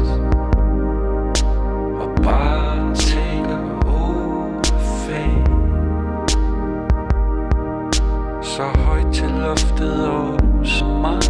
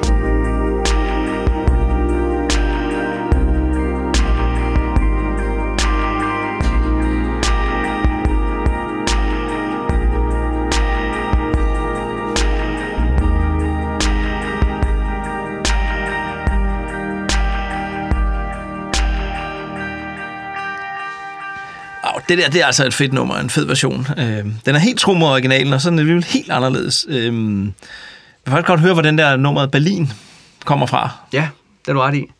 Øh, og jeg tænker også, det, altså, det er jo alligevel kun Steffen Brandt, der kan synge som Steffen Brandt, og så kan man lige så godt prøve noget helt andet. Jeg er også glad for den her udgave. Og det var fedt, vi kunne spille den, så tak til Mads Bjørn, som øh, ham vender vi tilbage til, når vi øh, når til det gode liv, om, øh, ja, der er mange afsnit til. Ja. Åh Gud, hvor Morten, vi har fået besøg i studiet. Det er ikke så tit, at det sker. Nej, det er rigtig dejligt. Ja, så øh, Per Let Nissen, en af producerne simpelthen fra øh, Nærmest Lykkelig, Mm-hmm. er kigge forbi, og øh, lige at sætte lidt baggrund på dig. Øh, du er akkrediteret som, øh, kan vi se, som ingeniør på Fantastiske Toyota-pladen og som studietjek på Beat-albummet, øh, og du var også med ind over øh, fra den der julesingle fra alle os til alle jer, og øh, Beautifuls-pladen om sommeren, og alting anderledes. Øh, så du har jo været med sådan fra TV2's start. Kunne du ikke øh, sådan lige for at finde ud af, hvem du er, fortælle os lidt om, hvad ja, dine roller egentlig var på den her tidspunkt, allerførst i TV2's karriere? Ja. Jamen, øh, tak fordi jeg må komme. Det er dejligt at møde to entusiastiske ildsjæle som jer. Det synes jeg er fedt, I er i gang med at lave det her program. Jamen, øh, fra 78 til 82, der drev jeg det, der hedder Ram Studio, der ligger eller lå i Stjær uden for Aarhus. Og der øh, havde jeg i forskellige sammenhænge med stor fornøjelse, der havde jeg mødt øh, Georg Olsen. Han spillede sammen med nogle forskellige bands i Aarhus-området, og deriblandt også øh, TV2. Og så sidst i 1980, der nævnte han, at øh, TV2 skulle i gang med et øh, nyt album. Det vil sige, det hedder ikke TV2, det hedder Taus. Og øh, dem har jeg haft fornøjelsen af at øh, høre i forskellige sammenhænge. Jeg synes, det var et, et ret fedt band. Det var, det var noget øh, lidt mere Pink Floyd-agtigt, lidt mere symfonisk øh, rock, og de spillede på den måde. Ja.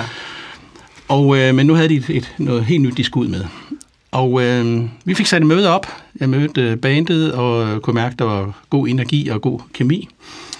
Og så øh, blev vi enige om, at øh, jamen det, de skulle da lave deres album ud hos mig. Og vi lavede en, øh, en, en deal, hvor at, øh, jeg investerede en hel masse studietid. De lånte øh, 30.000. Jeg investerede øh, 60-70 procent af studietiden i, i dem, fordi jeg troede virkelig på dem. Og så investerede jeg en hel masse af mit hjerteblod i at støtte op om Steffens og bandets talent. Hvor gammel var du på det her tidspunkt? Der var jeg øh, 20 år gammel, og, øh, og det, at der kommer et orkester forbi, som...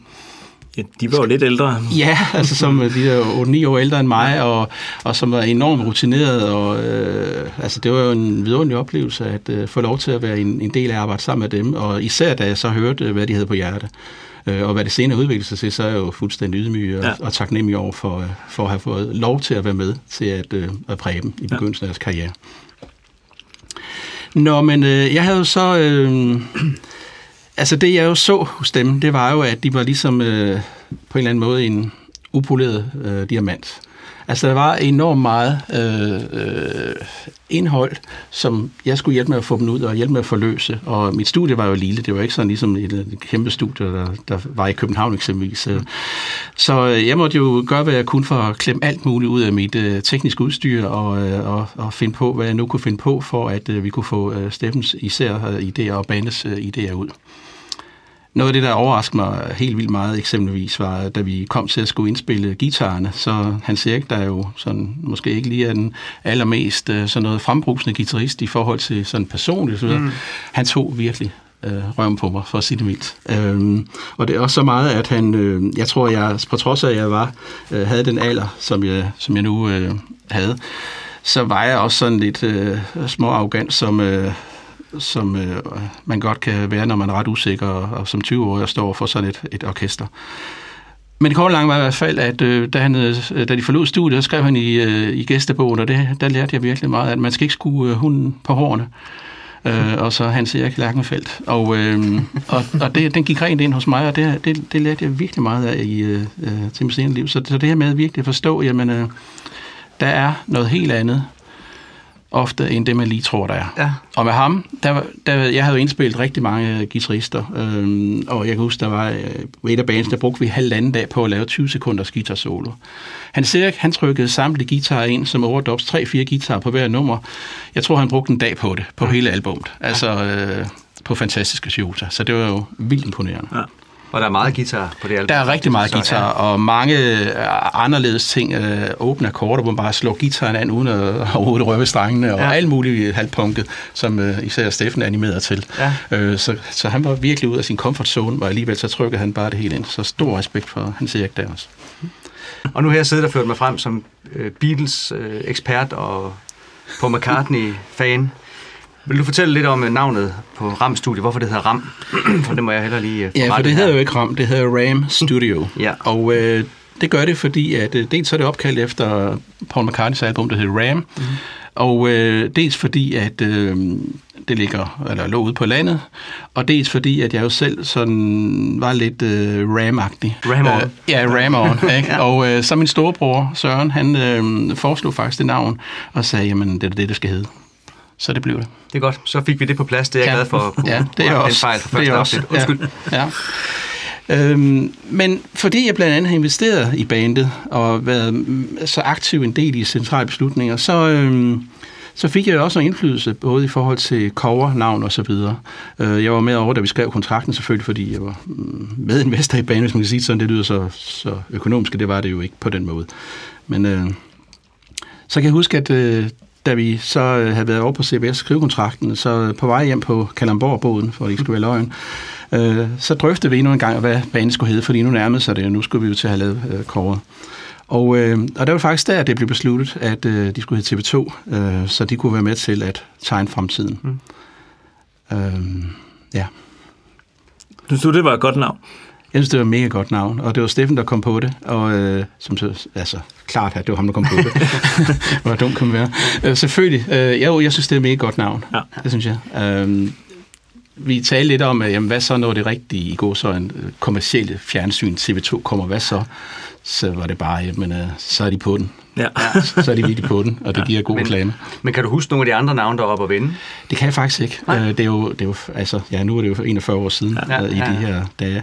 Øh, Men der var ikke snak om at fortsætte med at hedde Taurus. Nej, det var udelukket. Det var, der, det var en ny begyndelse, ja. og det var helt tydeligt med albummet, at, øh, at, og hele attituden, det var en ny begyndelse. Steffen var så influeret af det, han oplevede med, med kliché, øh, og den tid, vi var i, og øh, jeg tror, han trængte til virkelig at, at træde ind på scenen for alvor.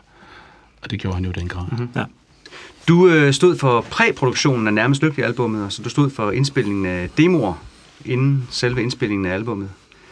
Hvordan husker du den øh, proces, og kan du komme med nogle eksempler på nogle sange, som blev væsentligt anderledes i den endelige udgave, i forhold til det, som vi har hørt som demo? Ja, altså jeg husker processen som en rigtig god og konstruktiv tid. Og man kan sige, hvor jeg for alvor fik den kamp til mit hår, som jeg selv havde bedt om. og det er måske lidt sjovt, men øh, jeg havde været ude af branchen i godt tre år øh, på det tidspunkt, øh, og havde derfor heller ikke været med til at lave nutidens unge og, og senere øh, rigtig mænd, som jeg vil elsker at være med til. Øhm, men så havde jeg mødt Steffen til et afterparty, og så havde udfordrerne sagt til ham, om de efter en dejlig torsdag, om de ikke skulle tage og lave en ordentlig plade. og det er jo lidt frækt. Meget modigt, ja. Ja, det er lidt frækt og lidt modigt, men øh, jeg synes simpelthen, at de var drevet lidt for meget væk fra den sound og det udtryk, som, som blandt andet jeg har været med til at skabe frem til, øh, til og med album Beat. Og så er Steffen frisk og inspirerende, som han jo er. Så tog han imod udfordringer, og så blev jeg hyret til at lave alt præproduktion på det, der skulle blive til nærmest lykkelig.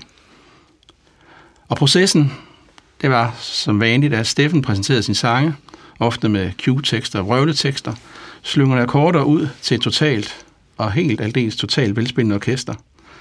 Og så var jeg den, der sådan ligesom var udenfor, der aktivt lyttede, kom med optimeringer i forhold til arrangementer og de enkelte musikers input til sangene, noget med beatene og overgangene, og, og så havde jeg selvfølgelig ansvaret for lyden og det helt overordnede udtryk. Og jeg tror roligt, man kan sige, at jeg har altid været dygtigere til at lave bas og tromme og guitarlyd, end måske at producere vokaler. Og som jeg faktisk synes er lidt kedeligt, mm. for at være helt ærlig. Øhm, selvom de jo er så afsindigt vigtige, så synes jeg bare, trommer og bas, måske fordi jeg selv er gammel trommeslager, jeg synes bare, det er det, er det fedeste. Og øhm, så jeg fokuserede jo rigtig meget på, at de beat, vi fik op at køre i, øh, på nærmest lykkelig, at, øh, at bas og trommer, de for alvor var inde i kampen. Og det har de jo på en måde været i, jeg vil sige, i virkeligheden for alvor siden, øh, siden beat. Ja. Hvor vi også arbejder rigtig meget med det samme, øh, og få det øh, godt på plads, og få, få lavet nogle, øh, nogle rigtig stemningsfulde og svingende øh, beats. Øhm, ja, så øh, processen var jo også, at vi, øh, vi ville gå nogle nye veje. Vi ville øh, igen i forhold til for eksempel trommerne, men øh, Svend han lånte eksempelvis 15 forskellige lille trommer, hvilket jo var mange. Dem fik vi rækket til i deres øh, lille studie i baggården, hvor Steffen bor, øh, i deres Have Cigar Studio. Og, øh, og der indspillede jeg simpelthen de her lille trommer med en masse forskellige mikrofoner og komprimerede forskellige og lavede en masse forskellige trommesounds, som øh, Svend så bagefter øh, lagde ind øh, i hans øh, sampler. Fordi på den måde, der undgik vi at have de samme lyde, som alle de andre havde. Mm. Så det at lave noget helt unikt, som jo så passede til, til deres sound, at det var, det var afgørende. Og jeg tror da også, at øh, kender og fejnsmækker, jeg tror også, de kan høre det på mange af de efterfølgende plader, at det bærer præg af en lidt særlig trommelyd. Så i forhold til, om jeg kom med eksempler på nogle sange, der blev væsentligt anderledes i forhold til demoversionen, så tror jeg, at øh, nu er det jo hvad, fem, 35 år siden, altså, jeg indspillede det her, så det begrænser alligevel, hvor det er til, at jeg kan huske tingene. Ja. Men, øh, men overordnet set, så det, der jo sker øh, fra demofasen til øh, selve albumsfasen, det er jo, at jamen, så gør man lidt mere ud af lyden og lidt mere ud af detaljerne. Men helt fundamentalt set, så var der faktisk ikke særlig stor forskel med det, vi havde arbejdet op. Vi, vi brugte lang tid på at lave øh, en, en demofase. Det var ikke sådan en 14-dages periode. Så vidt jeg husker, så strakte det sig altså over en 3-4 måneder eller sådan noget. Okay. Altså 5 måneder måske. Det ja. var virkelig lang tid. Det var der, vi udviklede albummet. Ja. Det var i, baglokalet, skulle jeg sige, i Steffens baghus. Mm. Øhm, og, øh, og så er det klart, at øh, så kom der nogle nye producer ind over øh, på de fleste sange. Jeg var så heldig for lov til at producere øh, tre sangene. Øhm, men, øhm, og, og der skete selvfølgelig nogle, nogle ændringer. Der kom slide guitar på alt, hvad hun ville var at danse, for eksempel Billy Cross, og det, det var jo også helt vidunderligt. Øhm, men, øh, men der var ikke de, der var ikke de vildt store forskelle, som Nej. jeg husker det. Nej. Øhm, jeg kunne godt tænke mig at høre, når øh, Steffen kom ind og præsenterede sangene, der er sådan helt tidligt. Hvordan kom han så med dem? Er det på guitar på det tidspunkt, eller er det på klaver, eller... Ja, øh, der var han, øh, som han sagde, der var han begyndt at lære at spille guitar. Ja. Øh, så, han, så det var ikke på guitar, det var på, øh, på klaver. Så han satte sig ved klaveret, og, så, og hans øh, Yamaha øh, DX7.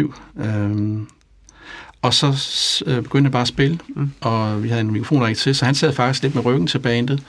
Og så øh, sad bandet og, og lyttede på, og så sang han bare øh, noget sang, og så sang øh, A, D-mol, øh, og så videre slungede akkorderne ud, ja. øh, og så begyndte de sådan at gå med. Og da det, så fik de ligesom lært øh, sangen, og så begyndte vi at arrangere det. Så spurgte Steffen, hvordan, øh, hvad har du tænkt dig i forhold til arrangement? Jamen, øh, intro A, B, B, A, og så videre. Ikke? Mm. Og så... Øh, ja, så fik jeg lov til at komme med nogle forslag, hist og pis på, og vi kunne lave lidt om på det. Men var teksterne altid på plads? På Nej, det var det ikke. Det var Q-tekster og brøvletekster øh, ofte. Øh, der var nogle... Øh, der var nogle øh, få sætninger på plads måske, eller så var det engelsk, øh, eller så var det bare sådan noget, det bare passede på stavelserne, ja. som han havde komponeret, komponeret sangen. Ikke? Og så i løbet af de her måneder, der kom det så øh, på plads med teksterne. Ikke? Altså en af de sange, du siger, du kritiserede på tre af dem, altså en af dem, det var nok den der, der blev den største evergreen af dem alle sammen for ja. den her plade, altså Kyst nu, det, det ja. satans liv. Øhm, og den er jo ovenikøbet kommet med i højskolesangbogen. Øhm, altså, hvad, er der noget specielt indspilning lige den sang, du, du husker? Altså, for allerførste færd, da Steffen han øh, satte sig ved klaveret, og der havde han faktisk, øh, jeg tror han havde hele teksten til, det, til teksten, den sang. Ja. ja, det tror jeg han havde. Men det havde han. Øhm, der elskede jeg den sang. Jeg synes, den var helt vidunderlig. Og jeg øh, synes, der var sådan noget øh, klassisk dansk øh, historiefortælling over det. Lidt af Osvald Helmut, der står og synger nede ved havnen og mm. fremfører sin sang. Altså sådan meget nært og, og meget vedkommende. Øhm, og så tænkte jeg, at, øh, eller min vision, det var så at, at bringe den stemning ind i det, samtidig med, at det selvfølgelig var umiskendeligt øh, TV2. Og øh, jeg kan huske, at det, jeg influerede på, det var, at vi, øh, det var især breaksene, øh, trommeovergangen, øh, hvordan den skulle være, hvordan skulle få startet hele orkestret op. Mm. Øh, de stop, der er undervejs i det. Øh, og så øh, få hele den øh, TV2-energi ud, som, og god stemning, som, øh, som de er så ypperlige til at levere. Og så øh, at gøre sangen nær og vedkommende. Og det, øh, det er jo det, livet er og skal være nært og vedkommende. Og den er jo stadig vedkommende her, mange år efter. Det må man sige. så den skal nok holde. Ja, det tror jeg også. Et par generationer. til. Ja, helt sikkert. Ja. En af de meget markante ting ved sangen, det er det her trommefil, der er fra versen over i, øh, i omkvædet. Hvordan det lyder, Morten? Dum, dum, dum, dum. Men det er der kun første gang. Hvorfor, hvorfor ikke begge gange? Det hedder jeg lige til. Ja, og måske for lige til. Altså, det er jo altid sådan, at når der er noget, man elsker, så skal man jo bruge det i, i øh, en eller anden afmålt portion, så ja. vi ikke bliver træt af det. Ja. Det helt oplagte havde været at lave den øh, igen på anden overgang. Ja. Men jeg tror, at de fleste, når de hører den her sang, så, øh, så, så spiller de den selv. De synger selv med, de, de Ja, fornemmer den selv Ja, ind i det hovedet. ja. Og, øh, og når man ved, hvor krævende det er for et orkester at, at ramme lige på et refræng, uden overhovedet at tabe energi, og være lige på beatet, og øh, TV2 netop er i stand til at levere det her, Mhm. mm-hmm. så synes jeg, det var så frægt at lave det uden den overgang. Albummet solgte omkring 180.000 eksemplarer. Det er efterfølgende kommet med i den officielle kulturkanon. Fornemmede I godt allerede dengang, at det her det kunne godt gå hen og blive en øh, klassiker, eller troede bare, at det var endnu et album i rækken? Ja, altså jeg kan, kan ikke vide, hvad andre fornemmede, men jeg ved i hvert fald, at for mig, så var der ikke anden mulighed, end at det blev en klassiker. Fordi at TV2, de havde med rigtig mænd, der de lavede det mest fantastiske album, som jeg ville have ønsket mere end noget andet at være en del af. Og når jeg så havde investeret mig selv fuldt ud med min udtalelse om en dejlig torsdag, så skulle nærmest lykkelig klart overgå det album, der jo også var et godt album, dog lidt for jazz-svingende for min smag. Jeg havde, som i mange andre sammenhæng, sat alt på et bræt, og heldigvis så fik jeg så stor indflydelse på albummet, at jeg kunne være med til at føre det i mål. Så min fornemmelse det var, at øh, det her det holder. Og det tror jeg, ting der holder, det er der, hvor der er investeret kærlighed. Og kærlighed, det skaber kvalitet. Mm. Kvalitet er lige med god kærlighed, og god kvalitet er lige med kærlighed. Ja. Smukt sagt, og øh, den, den lyder også mere tidløs end så mange andre øh, af de her albums gør, synes jeg. Tak. Er det en pop- eller en rockplade? Jeg ved ikke, hvor grænsen går. Jeg tænker, at det er måske øh, lidt begge dele. Mm. Altså, det er jo meget, øh, meget miljøst. Det er... Jeg har altid tænkt på TV2 som et, øh, som et, et rockorkester, med en Ja. ja. poporkester. Ja. Men det er en, en evig diskussion. Ja. Vi tager den lidt fra plade til plade også. Ja. Ja. Det, er det her en popplade eller en rockplade? Ja. ja. Selvom du så ikke har været med ind over alle numrene i hvert fald i produktionsfasen, har du så en, øh, en yndlingssang fra Nærmest Lykkelig? Ja, så det kan jo diskuteres for meget ind over alle numrene, jeg var. Øh, fordi øh, dels har jeg lavet alt præproduktion, som vi jo brugte de her 3-4 måneder på, og det er meget, Ja. eller 5 måneder måske på at lave præproduktion. Det var lang tid, jeg havde Og det var meget- næsten færdige numre. Så. Ja, og, ja, og der var, var ikke en stor forandring fra det og så til albumet. Selvfølgelig var det finesse, og selvfølgelig kom de en producer med nogle, med nogle ja. gode detaljer, og som løftede det helt klart, og der kom meget mere vellyd, fordi at, så var det det, der var fokus på. Øhm, men min yndlingssang, hvis jeg skal sige det, som jeg ikke er meget for det, så, øh, så er det nok øh, Kyst det nu. Og det øh, tror jeg er fordi, at, at livet og tilstedeværelsen i livet, det har altid optaget mig, og det gør det sådan set stadigvæk. Var der mange øh, leftovers? Var der mange sange, der ikke kom med? Kan du huske det? Der var nogle leftover, så jeg husker ikke rigtig, hvor mange der var, men jeg, jeg mener, at øh, Kom og se far danser var en af dem. Ja. Men for eksempel øh, på Beat, som jeg jo øh, indspillede også, mm. øh, der er Hovedbanegården, øh, øh, var et af de numre, fra, ja. som er med på nutidens unge, men som vi indspillede i øh, New Sound Studio. Ja. Og øh, som jeg også synes, jeg har et øh, fantastisk fedt beat, Mm. og, og et meget, meget stemningsfuldt nummer. Sådan af alle TV2's album gennem tiderne, har du så også et yndlings der? Eller er det umuligt, når man nu har været inde over så meget i, i nogle af pladerne? Det bedste, det største, det pæneste, det er alt muligt. Altså konkurrencer om kunst, det synes jeg er rigtig svært, og det er nok måske aldrig rigtig været mig. Men for mig, der står Toyota, Beat, Nutidens Unge, Rigtige Mænd og Nærmest Lykkelig. De står alle som der helt særligt. Og det tror jeg måske også er gældende for de fleste af TV2's fans, at det var her TV2's særlige sound blev defineret. Og jeg er vel nærmest lykkelig for, at jeg som 20-årig, 22-årig og 27-årig fik lov til at være en del af den danske rockhistorie med et band, der overgår alt andet, som Danmark indrigs i hvert fald har præsteret i kvalitet og holdbarhed. At løfte mennesker, at være med til at forløse potentialer og at få mennesker til at flytte sig. Det er det, jeg elsker allermest i mit liv. Og det fik jeg så også mulighed for i samarbejde med TV2. Det var meget, meget fine ord. ja, det tror jeg både, at øh, vi, lytterne, og ikke mindst øh, bandet er glade for. Så øh, Per, øh, hvis vi fik lyst til at invitere dig ind en dag til at fortælle flere historier om øh, måske de helt gamle dage og sådan noget, kunne du tænke dig at komme tilbage? Absolut. I skal være velkomne. Jeg synes, det er et fantastisk initiativ, I på eget hånd har taget til det her. Og, øh, så godt arbejde, og det vil jeg gerne støtte op om, selvfølgelig. Dejligt. Det vil vi glæde os til. Mm, vi ses. Ja, tak. tak.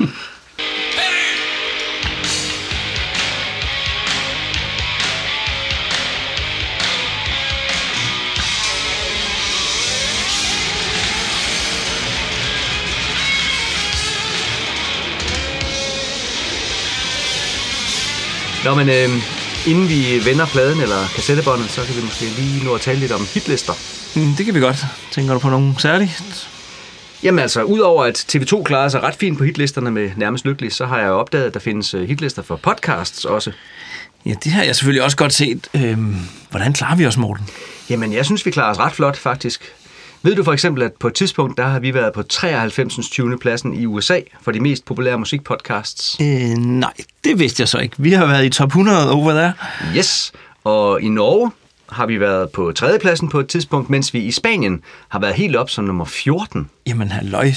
Er der ikke også noget med Panduo, som du hedder til efternavn? Det er et spansk navn. Jo, det er der faktisk, så det må være derfor, vi har været så højt placeret dernede. Eller, eller også er det på grund af TV2's brug af kastanjetter. Det er da det, der. Så, tror du, at Steffen Brandt nogensinde har interesseret sig for hitlisteplaceringer? Ja, det ved jeg tilfældigvis, at han har. Altså ikke for, hvordan den her podcast har Nej, det tror jeg heller ikke, men, ja. men da han som dreng gik med aviser, der købte han for sin avisdrengsløn en transistorradio, så han kunne følge med i hitlisten, selvom han var ude på de aarhusianske gader og stræder med stiftstidene. Mm, Så må det jo så også have været sjovt for ham, at øh, TV2 begynder at komme på hitlisterne. Det tror jeg også. Der tror jeg, han var færdig med at gå med aviser på det tidspunkt. Men øh, til Berlingske Tidene sagde han i december 88, det var pragtfuldt at være på hitlisten. Jeg tror, vi nåede plads 27 eller sådan noget. Det var med Verden er vidunderlig. Den første etter var nutidens unge, og jeg var måske nok mere imponeret over det end noget andet. Selvom man regner sig for et voksent menneske, havde jeg da planer om at klippe hitlisten ud, sådan lave en skrabbog. Jo, jeg synes hitlister er fede. Ikke mindst, når man selv er på dem. Jeg tænker, det er blevet en tyk skrabbog efterhånden, hvis han har klippet alle de hitlister ud, hvor de har ligget top. Øhm, og i fjernsyn i 88, øh, der blev så også vist hitlisteprogrammer med musikvideoer. Og øh, i de her, der var der et øh, Aarhusans orkester i Sand til halsen, der havede med den her sang.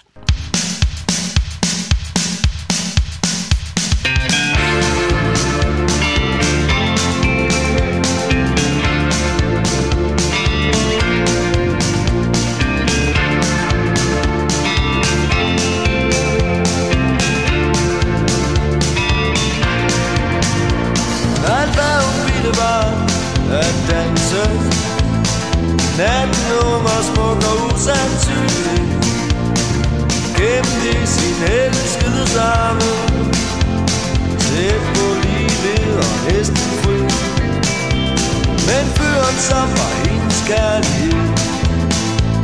Sad midt i en alvorlig diskussion.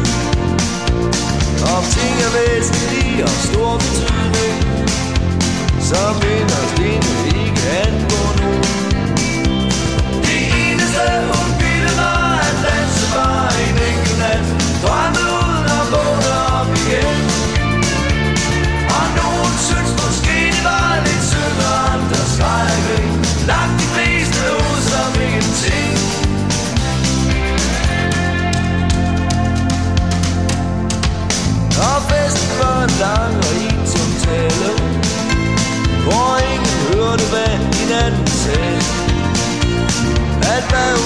Var at danse, og bare slippe ud derfra.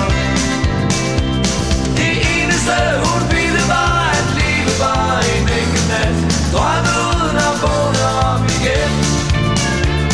Og nogen synes måske det var lidt synd, at der skreg og grin. Langt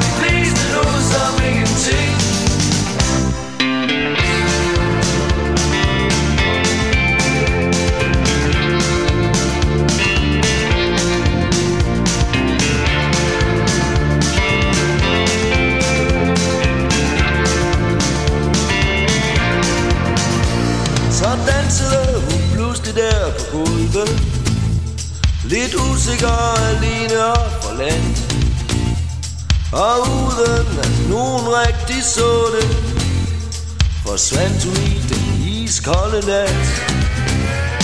At hvad hun ville var at danse Glemme alting mens det stadig sker Flygte i sin elskede samme Viske ord som ingen husker mere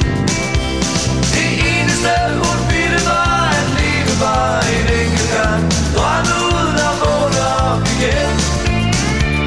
Og nogen synes måske det var lidt synd Og andre skreg og grin. Langt de fleste lå som ingenting. Ja, det var en sjov musikvideo med hele orkestret begravet i sand, så kun hovederne stak op. Jeg tænker, det har været ret angstprovokerende at sidde der. Især fordi der også går en hest rundt mellem dem. det må altså have virket temmelig stor, når man kun havde hovedet fri. Øh, jeg tror altså heller ikke, jeg havde tur, hvis det havde været mig, der skulle være med. Nej, jeg skulle heller ikke nyde noget. Men øh, det er da blevet en musikvideo, som man kan huske, og ligesom videoen til Det Mørke Jylland, er den optaget i Robbjerg Mile. Og noget andet, man kan huske, det er jo den fantastiske lyd på H.E.'s guitar i introen. Ja, nu øh, hørte du jo tidligere, at jeg havde haft fat i Billy Cross for at høre, hvordan det var at være en del af den danske kulturkanon. Så derfor tænkte jeg, at jeg også lige kunne spørge, hvorvidt det havde været vanskeligt at finde den rigtige lyd til introen. Og øh, det viste sig, at det faktisk ikke havde været helt let. Et, øh, måske, jeg arbejdede ret grundigt på, på guitarlyd på det der guitarfigur, som vi det huske. Ja. At øh, han havde lidt svært med at finde en guitarlyd, det var rigtigt. At, at, I virkeligheden, den lyd, han ønskede, at det var skabt, vil nødvendigvis eller normalt blive skabt af nogle andre ting. Et, øh, en anden forstærker og en anden instrument. Han, han havde nogle andre ting. Så det var lidt svært for mig at, at, at at jeg, jeg tror, vi nåede det, at, altså, at, at, men det var, det var en, en um, det, det, det, hvis jeg havde haft en anden guitar og en anden forstærker, ville det have været nemmere. Okay, spændende at høre, at TV2 ikke altid vælger de letteste løsninger, men øh, lige præcis den der lyd, som kendetegner alt, hun ville danse, var meget op i tiden den her gang. Øhm, året før, så havde Miss Behaven udsendt sangen Læn, der er ind under himlen, altså, hver gang jeg hører den i radioen, selv i dag, så når jeg altid lige at tænke, nu kommer alt, hvad hun ville var at danse. Okay, øh, er det den her sang, Michael?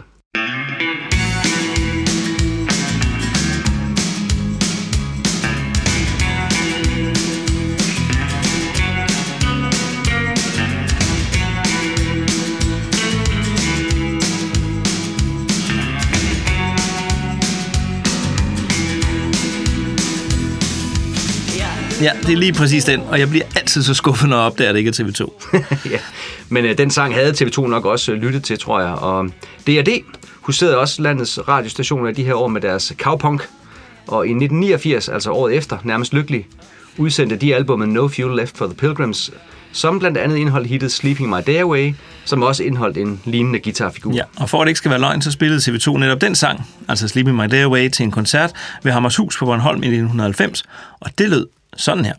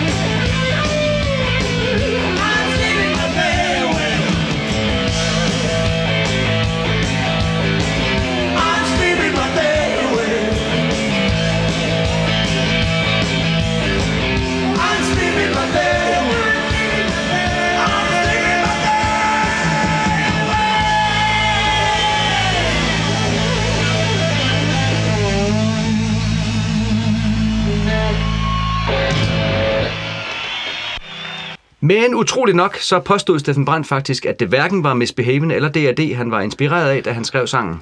Hvem var det så? Jamen, det var som en hende her. Jeg er altså født Gertrude, og min ven er neder Kai. Så en mand, der skulle jeg møde ham på solitude.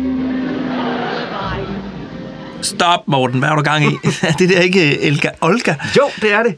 Og hun var faktisk den oprindelige inspiration til alt, hvad hun ville var at danse, ifølge Steffen Brandt. Øh, Ja, ja. kan du ikke høre det? Øh, Jo, altså til Det Fri Aktuelt, så sagde han sådan her i forbindelse med pladeudgivelsen. Jeg lavede den, altså sangen, efter en øver for at få det hele ud. Den gik sådan, da dumme, da dumme, da dumme, og man kunne se Elga Olga for sig. Jeg er aldrig ked af at overdrive.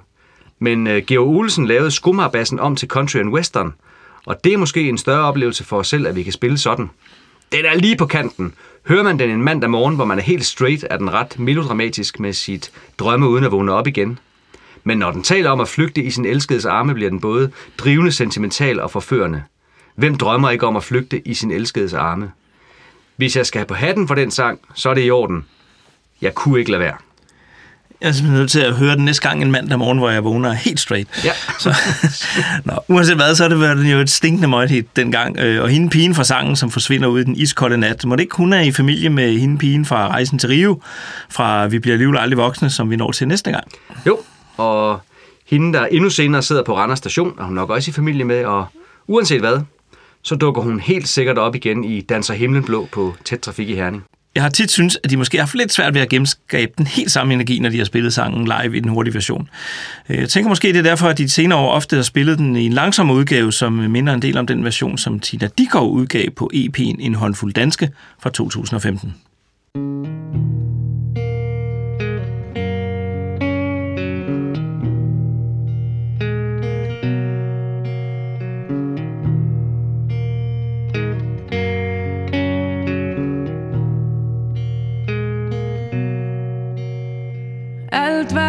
ville var at danse. Natten ung og smuk og usandsynlig. Gemte i sin elskede arme Tæt på, lige ved, næsten fri. Men fyren, som er hendes kærlighed Sad midt i en alvorlig diskussion Om ting af væsentlig og stor betydning. Som inderst inde ikke angår nogen. Det eneste hun ville var at danse bare en enkelt nat Drømme uden at vågne op igen. Og nogen synes måske det var lidt synd Og andre skreg og grin. Men langt de fleste lod som ingenting. Og festen var en lang og ensom tale. Og mens vi lytter til Tina D., kan vi måske runde nogle af de andre spændende ting, der skete i 1988. Øh, ja, det kan vi godt. For eksempel fik de andre TV2, eller de forkerte TV2, endelig gang i deres øh, tv-station. Det skete den 1. oktober, øh, altså tre uger efter, cirka, er nærmest lykkelig udkom. Steffen Brandt blev spurgt, om han var bekymret for, om der ville opstå problemer eller konkurrence, når nu de hed det samme. Men så konstaterede han bare knastørt, at orkestret jo da altid kunne spille musik i tv-kanalens programmer, men at tv-kanalen ikke kunne vise programmer i deres musik. Herning Folkeblad var heller ikke bekymret for orkestrets vegne. De skrev i deres albumanmeldelse, at Sleiman i Odense skal være virkelig på duberne et 1. oktober, hvis han skal gøre sig håb om at opnå samme begejstrede modtagelse af sin nye fjernsynskanal, som i disse dage overgår modtagelsen af Aarhusianske TV2's nye LP nærmest lykkelig. Og lad det være sagt med det samme, den er bare god så god. Måske den betydeligste danske pladeudgivelse i 1988. Hvis du vil læse et par bøger fra 1988, så kan vi da anbefale Roadie Roadie af René Gerløv. Den har nemlig forord af Steffen Brandt. Ja, og Torben Billes øh, Så Dansk, Dansk Rock i 80'erne, den udkommer også i 88, blandt andet med et portræt af Steffen Brandt. Og det var også her i 88, at hele TV2's bagkatalog blev udgivet på CD. Og den 31. januar 1988, så medvirkede TV2 ved et galashow til fordel for de katastroferamte mennesker i Etiopien og Mozambique. Programmet blev ikke sendt på DR, men blev optaget af den københavnske lokal-tv-station KKR og samsendt med lokal-tv i Aarhus, Odense og Aalborg.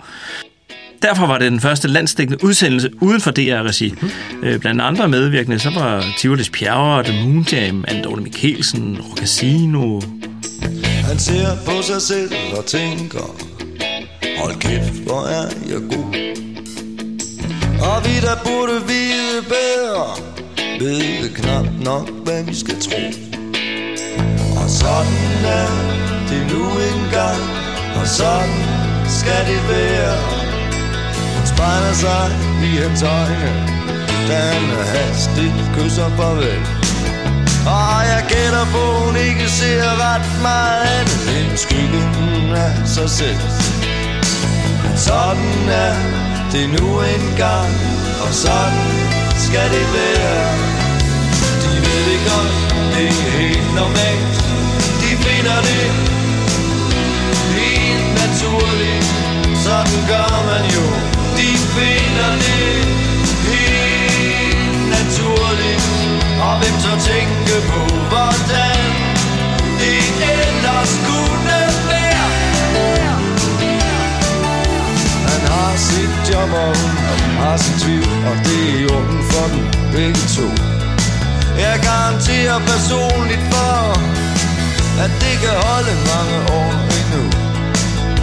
For sådan er det nu engang, og sådan kan de lide det. De ved det godt, det er helt normalt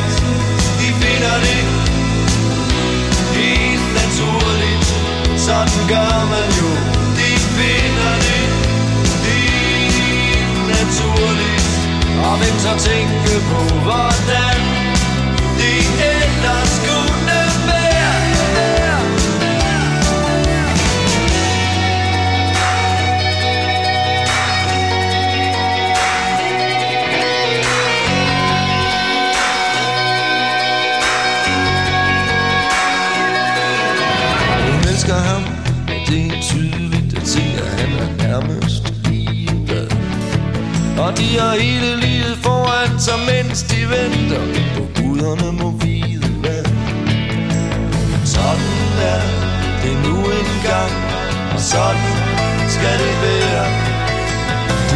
hvor de er, det er det letteste, og hvad, hvad kunne der ikke ske? Tænk, hvis man pludselig stod der med sig selv Helt alene og hyggeligt fri. Men sådan er det ikke så tit. Det bliver det måske aldrig. De ved det godt, det er helt normalt. De finder det helt naturligt. Sådan gør man jo. De det helt naturligt og hvem så tænke på, hvordan det ellers kunne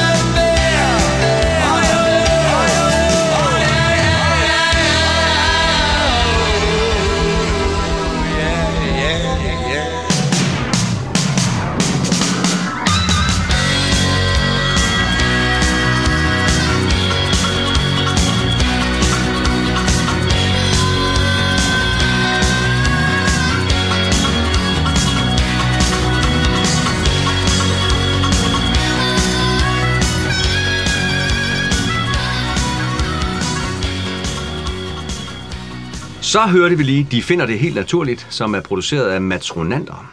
Ja, ham kender man jo godt. Ja, det gør man, men skal vi være helt ærlige, så er det vel mest for at være ham svenskeren, som har været gift med Sand Salomonsen. Ah, han har også lavet et andet med Kim Larsen. Nå ja, ja. Var det ikke ham, der sang den der Gør mig lykkelig som duet sammen med ham? Jo, præcis. Øhm, men den her sang, vi lige har hørt, den handler ikke om at gøre nogen lykkelige. Nej, jeg har kaldt den øh, nærmest ulykkelig her, kan jeg se. Ja, vi er i hvert fald ude i endnu en øh, parforholdsbeskrivelse. Personligt synes jeg, at det her, det kan godt være pladens svageste led, men øh, når den nu er på nærmest lykkelig, så er det svageste led, ja, det er jo stadig stærkt nok til at kunne holde lidt brofag på Lillebæltsbroen. Mindst. Jeg vil med linjen, tænk hvis man pludselig stod der med sig selv helt alene og uhyggeligt fri. Det er i virkeligheden endnu et forvarsel om rejsen til Rio, hvor pigen også lige pludselig er ikke uhyggeligt, men forbandet fri. Ja, så er det meget Steffen Brandsk at synge om den der frihed på både som en velsignelse og en forbandelse. Mm, Det er også værd at bemærke, at øh, det er Mads Ronander, der spiller mundharpe på nummeret. Og det gør han godt. Helt sikkert. Jeg får altid lyst til at bryde ud i spontan jubel, når jeg hører mundharpe i en TV2-sang.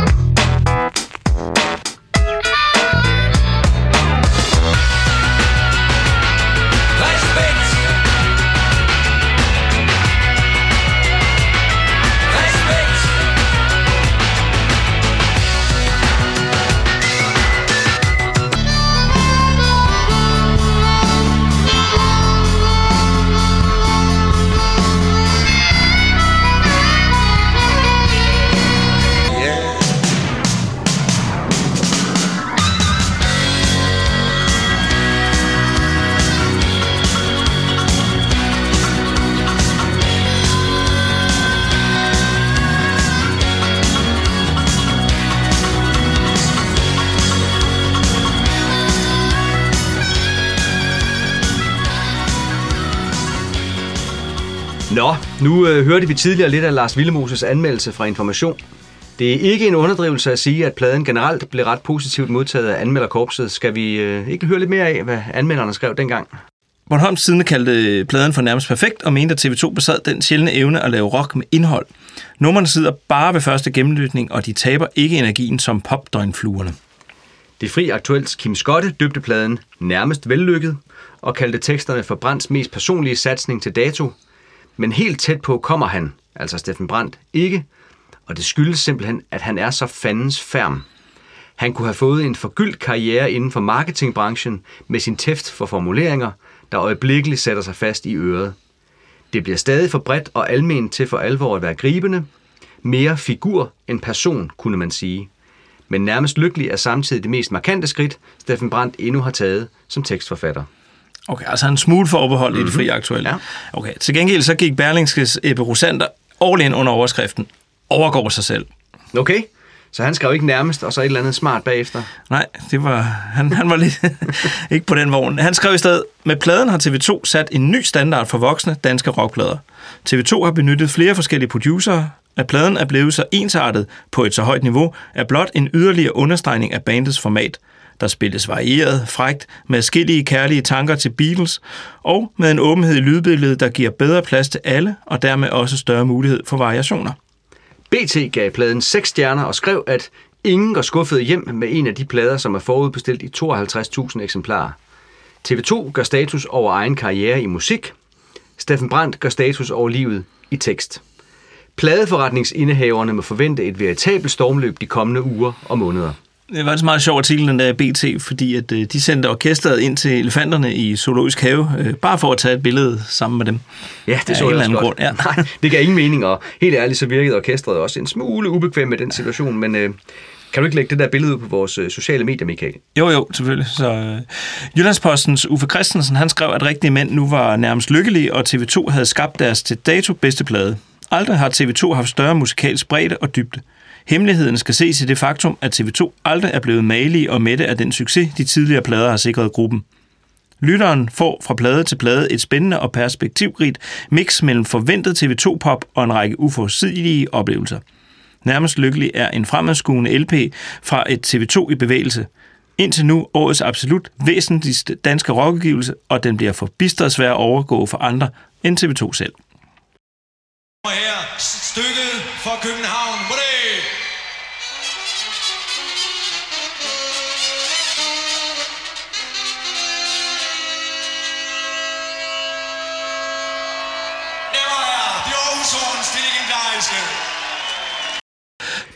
Nå, så det er ikke kun dig og mig, der godt kunne lide pladen?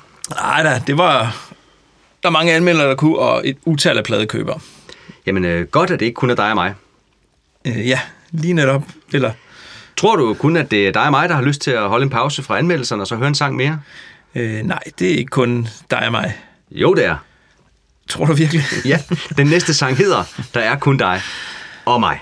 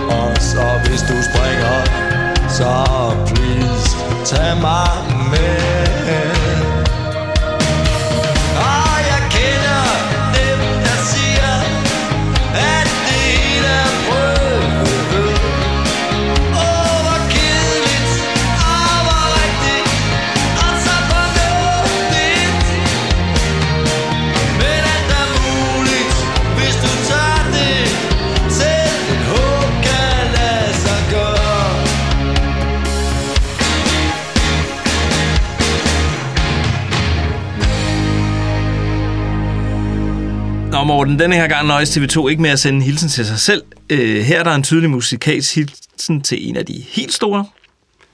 Er, er det Beatles igen? Nej, nej, det er ikke vel? Beatles nu. Nej. Der er andre store så. Det er jo selvfølgelig David Bowie her. Prøv lige at spille introen fra Ashes to Ashes, og så introen fra Der er kun dig og mig bagefter. Øh, okay.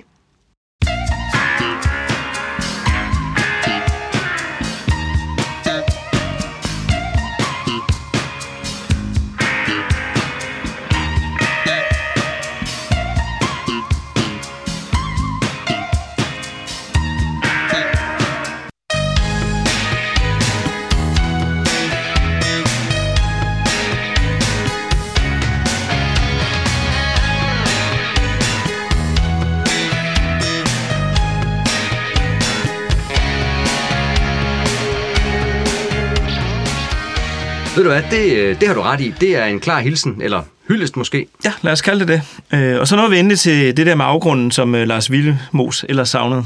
Ja, det er rigtigt. Jeg synes faktisk, at det her er en ret undervurderet sang. Øh, meget enig. Altså, teksten er fantastisk og indeholder kæmpe livs, livsvisdom igen. Altså, alene linjen. Alt er muligt, hvis du tør det. Selv kærlighed kan der så gøre. Altså, det overgår med flere længder alt, hvad Rasmus øh, og Rasmus, altså Sebak og Nør, nogensinde har præsenteret i deres plader poesi. Og nå, Må jeg ikke kalde det det? rolig nu, rolig nu. Jeg tror, her klokken lidt i fem, så ringer jeg til det glade pizzabud. Nej, lad være med det. jeg vil hellere høre den her sang på repeat i en uge, end uh, have besøg af Rasmus Nørs pizzabud. Ja, okay, så jeg er nødt til at være lidt sulten. Mm, kunne du ikke stille sulten ved at nyde et stykke af H.E.'s fantastiske guitar-solo i stedet? Jeg synes slet ikke, vi har rost ham nok i dag. Ved du hvad? Det er en god idé, og, og du har ret. Det er en fantastisk guitar solo, han præsterer i den her sang. Igen igen. Og så er jeg jo helt vild med, at der er en parentes i sangtitlen. Der er kun dig, parentes, og mig, parentes, slut. Ja, selvom man øh, selvfølgelig i anførselstegn vil gøre alt for sin partner, så er der ikke kun et dig i parforholdet. Der er også et mig. Noget andet, der også altid er, ikke i et parforhold, men i vores podcast, det er en sektion, hvor vi riser nogle kolde facts om albumet op. Og det er det så blevet tid til nu. Ja, det er det. Der skal mere end kolde facts i, og stænk som mig. Nærmest lykkelig udkom mandag den 12. september 1988. Pladen er solgt i 180.000 eksemplarer. Den er indspillet i Feedback-studiet i Aarhus og Werners studie i København. Som vi allerede har nævnt et par gange, så er der mange producer indover denne gang. Vi nævner i flæng Michael Brun, Matt Ronander, Billy Cross, Søren Wolf, Hilmer Hassi og TV2 selv sammen med Per Let Nissen. Øh, Michael Brun havde sidste hånd på knapperne og remixede alle sangene, så man sikrede en ensartet lyd på værket. Magasinet MM kårede TV2 som årets koncertnavn, årets bedste video, tv-optræden, nærmest lykkelig som årets LP, Steffen Brandt blev årets sangskriver, og Hans Erik Lernfeldt blev årets instrumentalist. Coveret var selvfølgelig Jodam Kærgaards værk, og billederne inde i coveret, som er taget på havnen i Aarhus, er taget af Erik Sapong. Billedet på forsiden forestiller en vis aarhusiansk forsanger stående i en kornmark med et barn ved sin side. Ja, og det er faktisk fantastisk at se på det der billede og vide, at det er fra en plade, der udkom i 88, øh, lang tid før smartphone øh, indtog vores hverdag. For når man kigger på det nu, så ser det altså virkelig ud, som om han står med en, øh, en smartphone i hånden. Måske står han og tjekker sin Instagram, eller, eller også tjekker han, om FCK har lavet GF for point i kampen om medaljer. ja, det er vildt sjovt. Jeg øh, viste lige billedet til mine drenge og spurgte dem, øh, hvad de egentlig troede, han lavede, og de sagde begge to, at øh, han står der og kigger på sin telefon. Men det gør han så med venstre hånd. Har du tænkt på det? Ja, det kan jeg godt se. Ja, så, nå. Efter sine så er billedet taget så på en ferie på et øh, så eksotisk sted som uh, Tunø.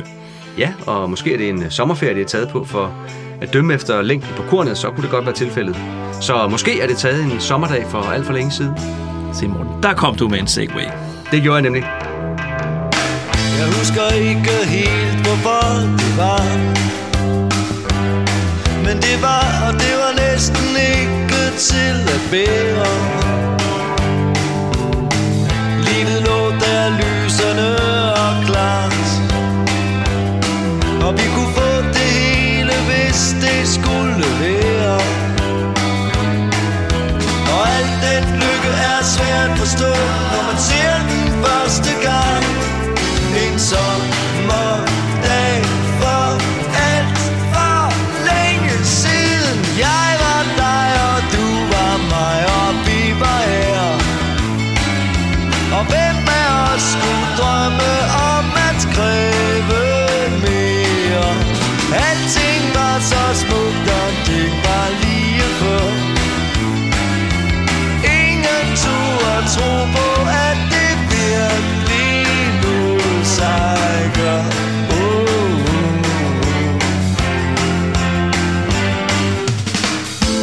sommeren for længst forbi.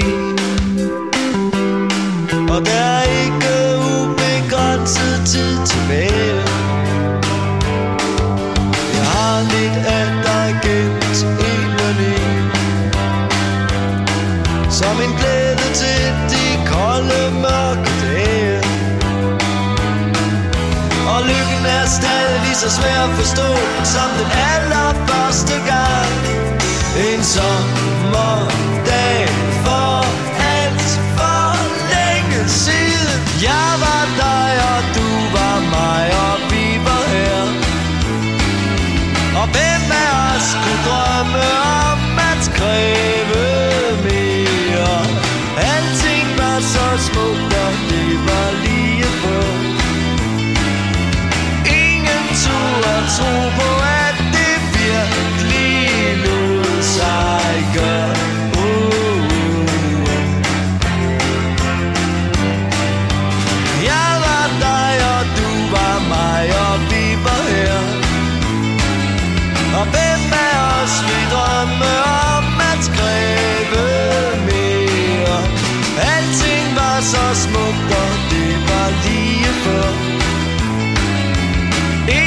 turde tro på, at det virkelig lod sig gøre.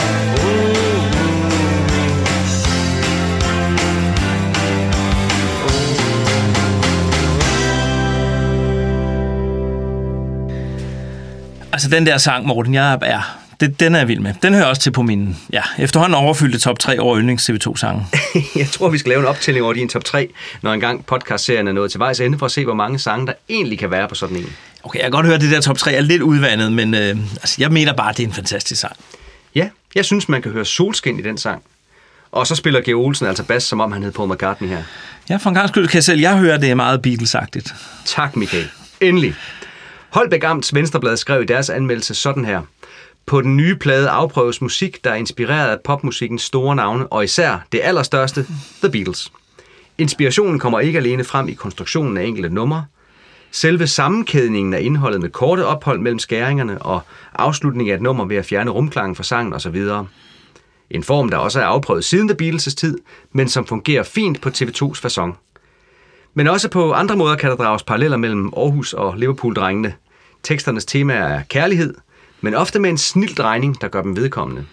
Ja, den der snille tekstmæssige drejning øh, her, det kunne så være, at de andre sange på pladen foregår i et øh, voksenunivers, og derfor egentlig ret fint ting, der inkluderer en sang om, hvordan alle de her parforhold måske er begyndt en gang. Mm-hmm. Øhm, jeg, jeg tænker, vi er ude sådan en historie, der minder lidt om eventyr for begyndere, for eksempel. Øhm, og så kan jeg jo lige sende øh, en hilsen til øh, Dorte, hvis du lytter med derude, øhm, fra min ungdom. Jeg var dig, og du var mig, og vi var her. Og hvem af os kunne drømme om at kræve mere? Alting var så smukt, og det var lige før. Og ingen turde tro på, at det virkelig lå sig gøre. Uh. Hvad var nu det for noget, Michael? Jamen nu var du selv inde på dit øh, private... Nå, det, jeg tror bare, vi lader den ligge, selvom du godt vil tænke dig at vide, hvad det handler om. Okay, jamen det kan vi tage på et andet tidspunkt. Ja, Dorte derude ved det. Ja. I musikvideoen til sangen fortsatte de med, med at bruge lyskæder og den lille scene. Og ved første øjekast kunne det godt se ud, som om den her også var optaget i Robbie Mile. Men det er den faktisk slet ikke. Den er optaget øh, på indlandsisen i Grønland. Ja, TV2 var taget til Grønland den 16. september, altså fire dage efter pladens udgivelse, for at medvirke i et stort show til fordel for det, der svarer til kraftens bekæmpelse i Grønland. I Godthåbhallen i Nuuk. Med på turen var også News, så endnu en gang så vi en tidlig udgave af TV2 News. Den kan du godt lide, den der. Ja. Nå, da showet startede, så var nærmest lykkelig albumet solgt i fem eksemplarer i hele Grønland. Men det hang nok primært sammen med, at det først udkom et par timer før showet skulle optages. Ja, så det kan godt være, at grønlænderne ikke kunne synge med på de nye sange, men showet var en stor succes alligevel. En af arrangørerne, det var for øvrigt en øh, Per Bertelsen, som var sanger i det grønlandske band øh, Sumé. Øhm, og han er så øvrigt også Julie Bertelsens stefar. Og TV2 fandt altså også tid til at flyve ud på indlandsisen og optage en musikvideo, og derudover er det mit indtryk, at de brugte tiden op på at øh, forelske sig i Grønland. De har i hvert fald været der mange gange siden, men det vender vi jo tilbage til. I 2009 optrådte Tue Vest med sin helt egen version af sangen, som jeg lige synes, vi skal høre lidt af her. Det er værd at bemærke, at Tue Vest som en anden Ringo Starr faktisk synger, mens han spiller trommer.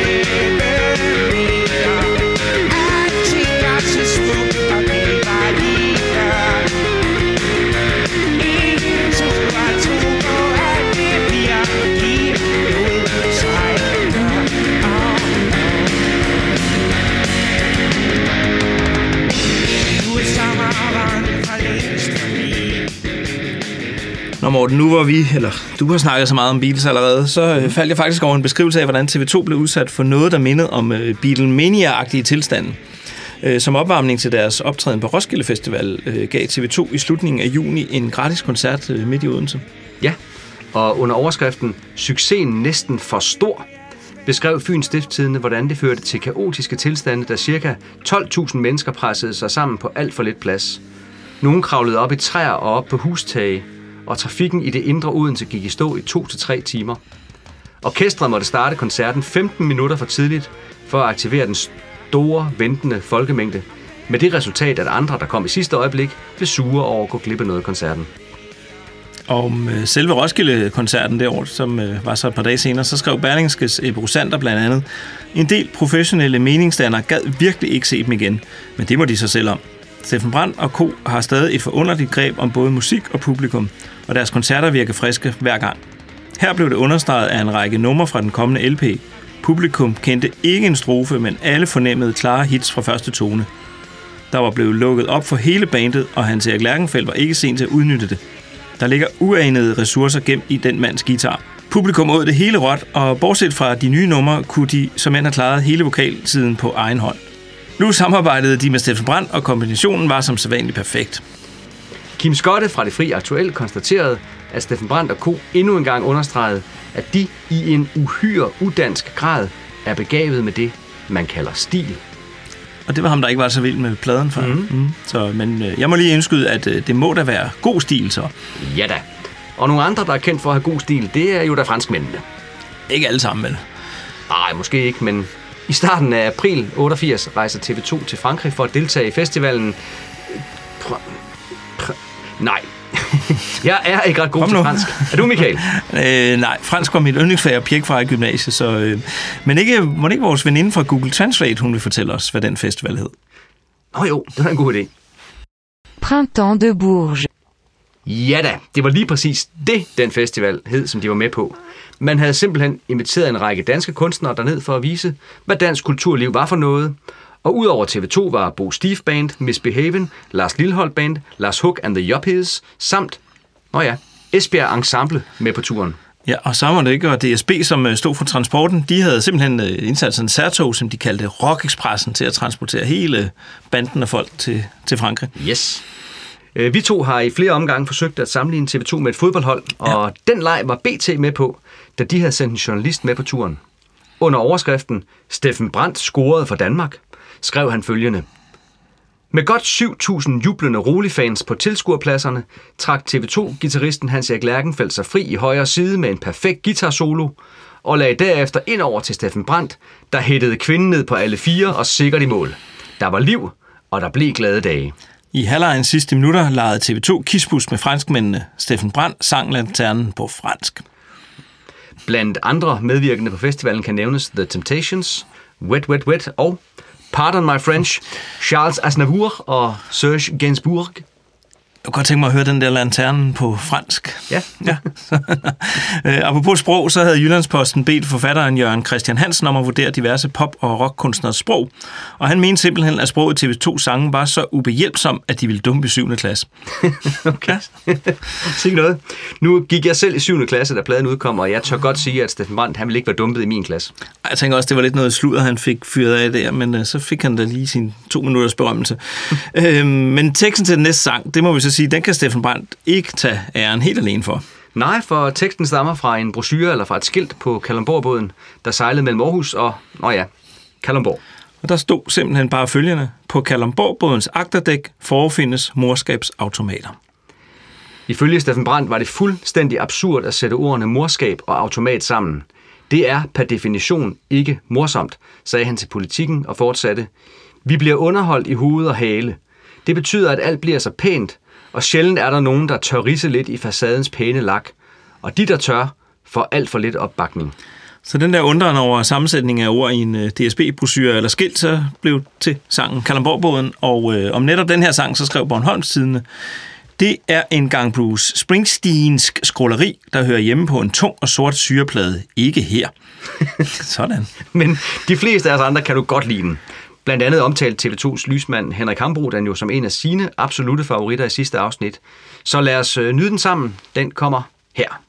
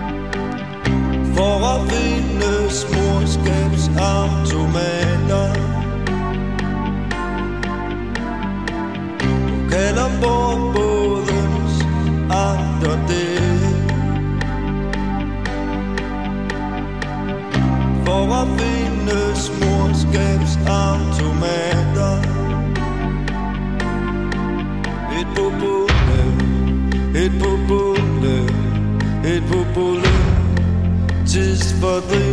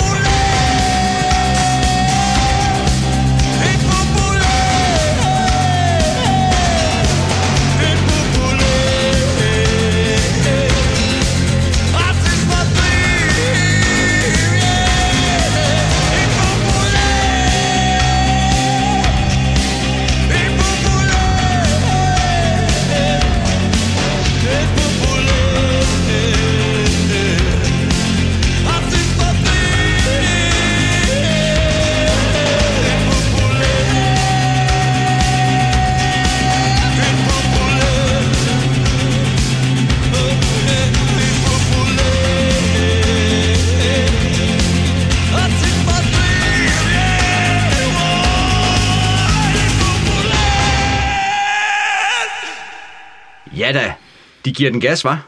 Ja, jeg tænker, at den her sang kunne faktisk med den der korte og øh, på overfladen simple tekst, den kunne også have været med på Fantastiske Toyota. Ja, og så er det jo lidt sjovt, at Steffen Brandt for anden gang på en og samme plade har lavet sig inspireret af noget tekst, som han har fundet på et offentligt transportmiddel, altså både her og i Læn dem ud, som vi talte om tidligere. Ja, det kan være, at øh, DSB skulle sende en tak til, øh, for reklameværdien, men øh, ja.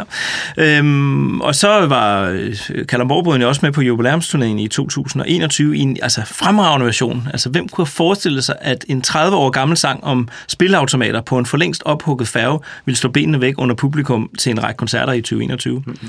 Øhm, jeg tror, det var et af de mest intense øjeblik, jeg nogensinde har haft til en TV2-koncert. Ja, det var, det var helt fantastisk. Enig. Og så var det jo modigt, og Steffen Brandt i sin tid at modtage, eller medtage sådan en tekst på sådan et album, som var, eller det hele taget, han var kendt for, øh, for sine meget beskrivende tekster om samfund og kønsroller og kærlighed. Og lige pludselig så fik vi et nummer, hvor det er bare musikken, der får lov at styre det sammen med en stemme, der bare ringer og højere og højere. Det er bare, det er jo beskriveligt stort. Men øh, skulle vi to ikke lige tage at komme ned på jorden igen, for øh, Kolding Folkeblad kunne ikke lide pladen. Fy Kolding. De skrev øh, sådan her i deres anmeldelse. Den nye TV2-LP Nærmest Lykkelig er en blandet fornøjelse. Halvdelen af de 12 sange er under normal standard, så efter en 3-4 nærmest perfekte rockplader i træk, er vi nu kommet til en af de små TV2-LP'er. Der er mangel på substans i musikken og i teksterne, som blot udtrykker en diffus blanding af halvhjertet lykke og utilfredshed, men mere bliver det ikke til. Der er ikke noget bud på noget andet eller bedre. Ved du hvad jeg tror? Jeg Nej. tror, de er blevet fornærmet i Kolding over det der mørke Jylland. det kan godt være. Jeg tror bare, jeg vil sige... Nej, der var mere substans i politikens anmeldelse. Anders Rov Jensen han skrev om brand og barnevognen, at det var frigjorthed, fremdrift og enkelhed. Øh, også der prægede Hans Erik Lærkenfeldt, Georg Olsen, Svend Gavl og Brands slidningsløse ensemblespil på nærmest lykkelig. Alt hvad de vil, skrev han, er at danse, og så tænke lidt over tingene, mens de maser med barnevognen. Alle tre ting på samme tid. Det lyder nærmest umuligt, men det er faktisk utrolig godt gået. Skive Folkeblad skrev, alt i alt en af dette års rockplader, som altid når TV2 sender noget ud. Her er ikke plads til øregas og platheder. TV2 yder det optimale i hver eneste sang. Og så kan vi jo lige runde anmeldelserne af med Aalborg Stifttidene. De skrev slet ret. Hurra for TV2, der aldrig står stille, men hele tiden afspejler en del af tidens ånd. Og med disse ord er det blevet tid til en vuggevise.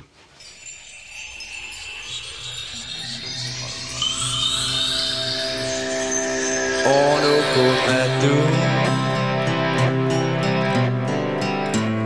Sov de lykkelige søvn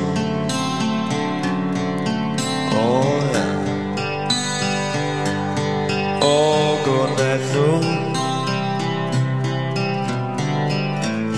Drøm de håbefulde strøm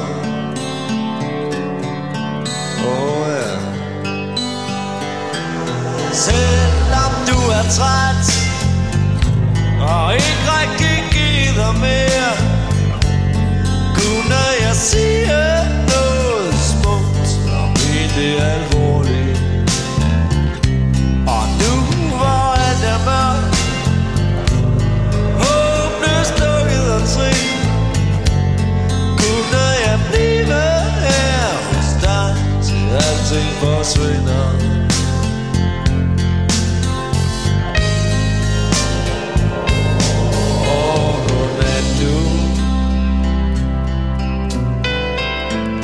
Så de ville løse søvn. Åh ja. Og du godnat nu. Drøm de modløse strøm.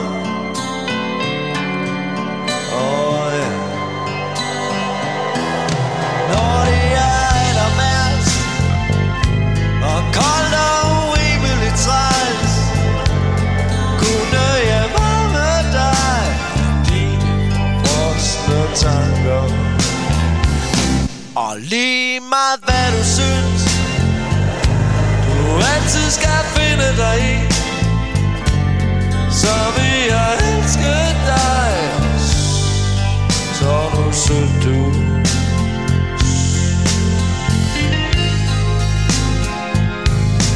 Og Smukt, smukt, smukt. Og det var jo så den anden sang på pladen, som var produceret af Billy Cross. Ja, det er en dejlig slutsang. Øhm, jeg tænker bare, den der, de hvileløse søvn, hvordan er den egentlig, tror du? Ah, jeg, jeg tænker ikke, den er specielt rar. Jeg vil hellere sove de lykkelige søvn. Og hvis ikke det kan lade sig gøre, jamen, så er de nærmest lykkelige søvn i det mindste. Ja, altså drømmene er ikke større end de, der drømmer dem. Aha. Mm. Den her sang, den har så også været med på Greatest, eller kommer med på Greatest Greenland-pladen, Greenland-pladen der, hedder, der hedder sangen Godnat Nuuk. Øhm, jeg har været i Grønland mange gange, og jeg tror altså, jeg tror faktisk bedst, at jeg kan lide Nuuk-versionen af den. Ja, men øh, den må vi jo høre, når vi kommer så langt. Da jeg fik øh, børn og skulle til at synge godnatsange, så greb jeg som det naturligste ud efter den her, for jeg tænkte, det ville være godt for dem at falde i søvn til noget TV2. Men de vågnede bare altid, når jeg kom der med falsetten. Nu skal man jo heller ikke falde i søvn til TV2's musik, Morten. Nej, det er rigtigt. Men jeg tænker egentlig mere, at det er en vuggevise for voksne, og dem er der vel egentlig ikke så mange af. Nej, det kan der egentlig være noget om. Øhm, skal vi prøve at kigge på vores øh, egne anmeldelser af den her plade?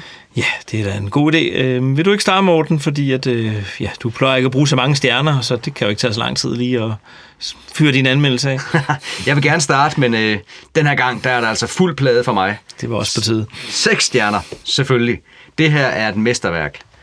Både i forhold til alle andre kunstneres plader, men også i TV2-sammenhæng. Jeg fik albummet på kassettebånd i julegave i 1988, og hvis jeg lige fra hoften skulle nævne mine tre bedste julegaver nogensinde, så er jeg faktisk ret sikker på, at nærmest lykkelig ville være med på den liste. Hvad er de andre to? Ja, det har jeg også tænkt over, det ved jeg faktisk ikke. Jeg tror faktisk, en af de andre ting må være Walkmanen, som jeg fik samme jul. Ah, så Sådan, du jeg kunne høre den. Lige Ja. præcis. Perfekt. For øh, resten af juleferien kunne min familie ikke få fat i mig. Jeg hørte øh, nærmest lykkelig på min ghetto blaster, uafbrudt, hvis vi da ikke lige skulle til familiejulefrokoster rundt omkring i landet, for så hørte jeg den på min nye Walkman. Teksterne er alle sammen fantastiske. Lyden er sublim. Det er helt ufatteligt, at man på trods af så mange forskellige producer har fået lavet så homogent et album. Men øh, hvad siger du, Michael? Det virker som om, du også er ret begejstret den her gang. Også den her gang, for Søren. Ja, så jeg giver selvfølgelig også seks stjerner, men jeg er nødt til at toppe dig lidt, fordi Mhm. mm-hmm. øh, alt andet vil være utroværdigt. Så, øh, så jeg, jeg vil ikke bare give dem stjerner, jeg vil give dem noget, der hedder Y. Nej, UY Scottier. Kender du dem? Nej. Nej, så, men det er det, faktisk den største kendte stjerne i hele universet. Altså en, en Superliga-stjerne. Den er cirka 5 milliarder gange større end solen.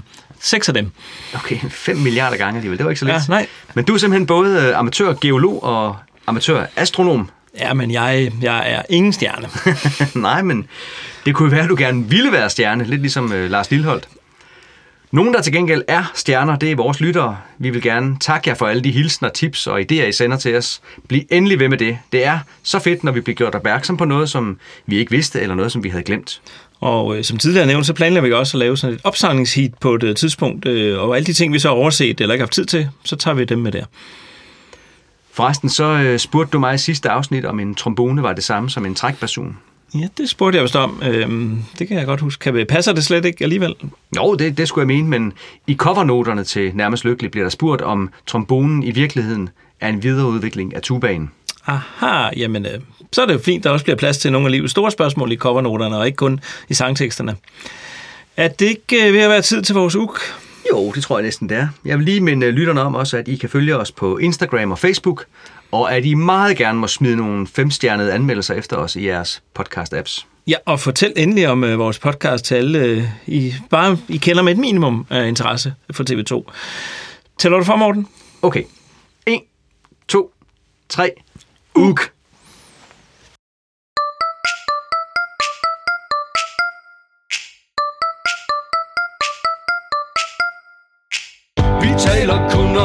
Om TV2 oh, oh. Babadabadabab. De er gode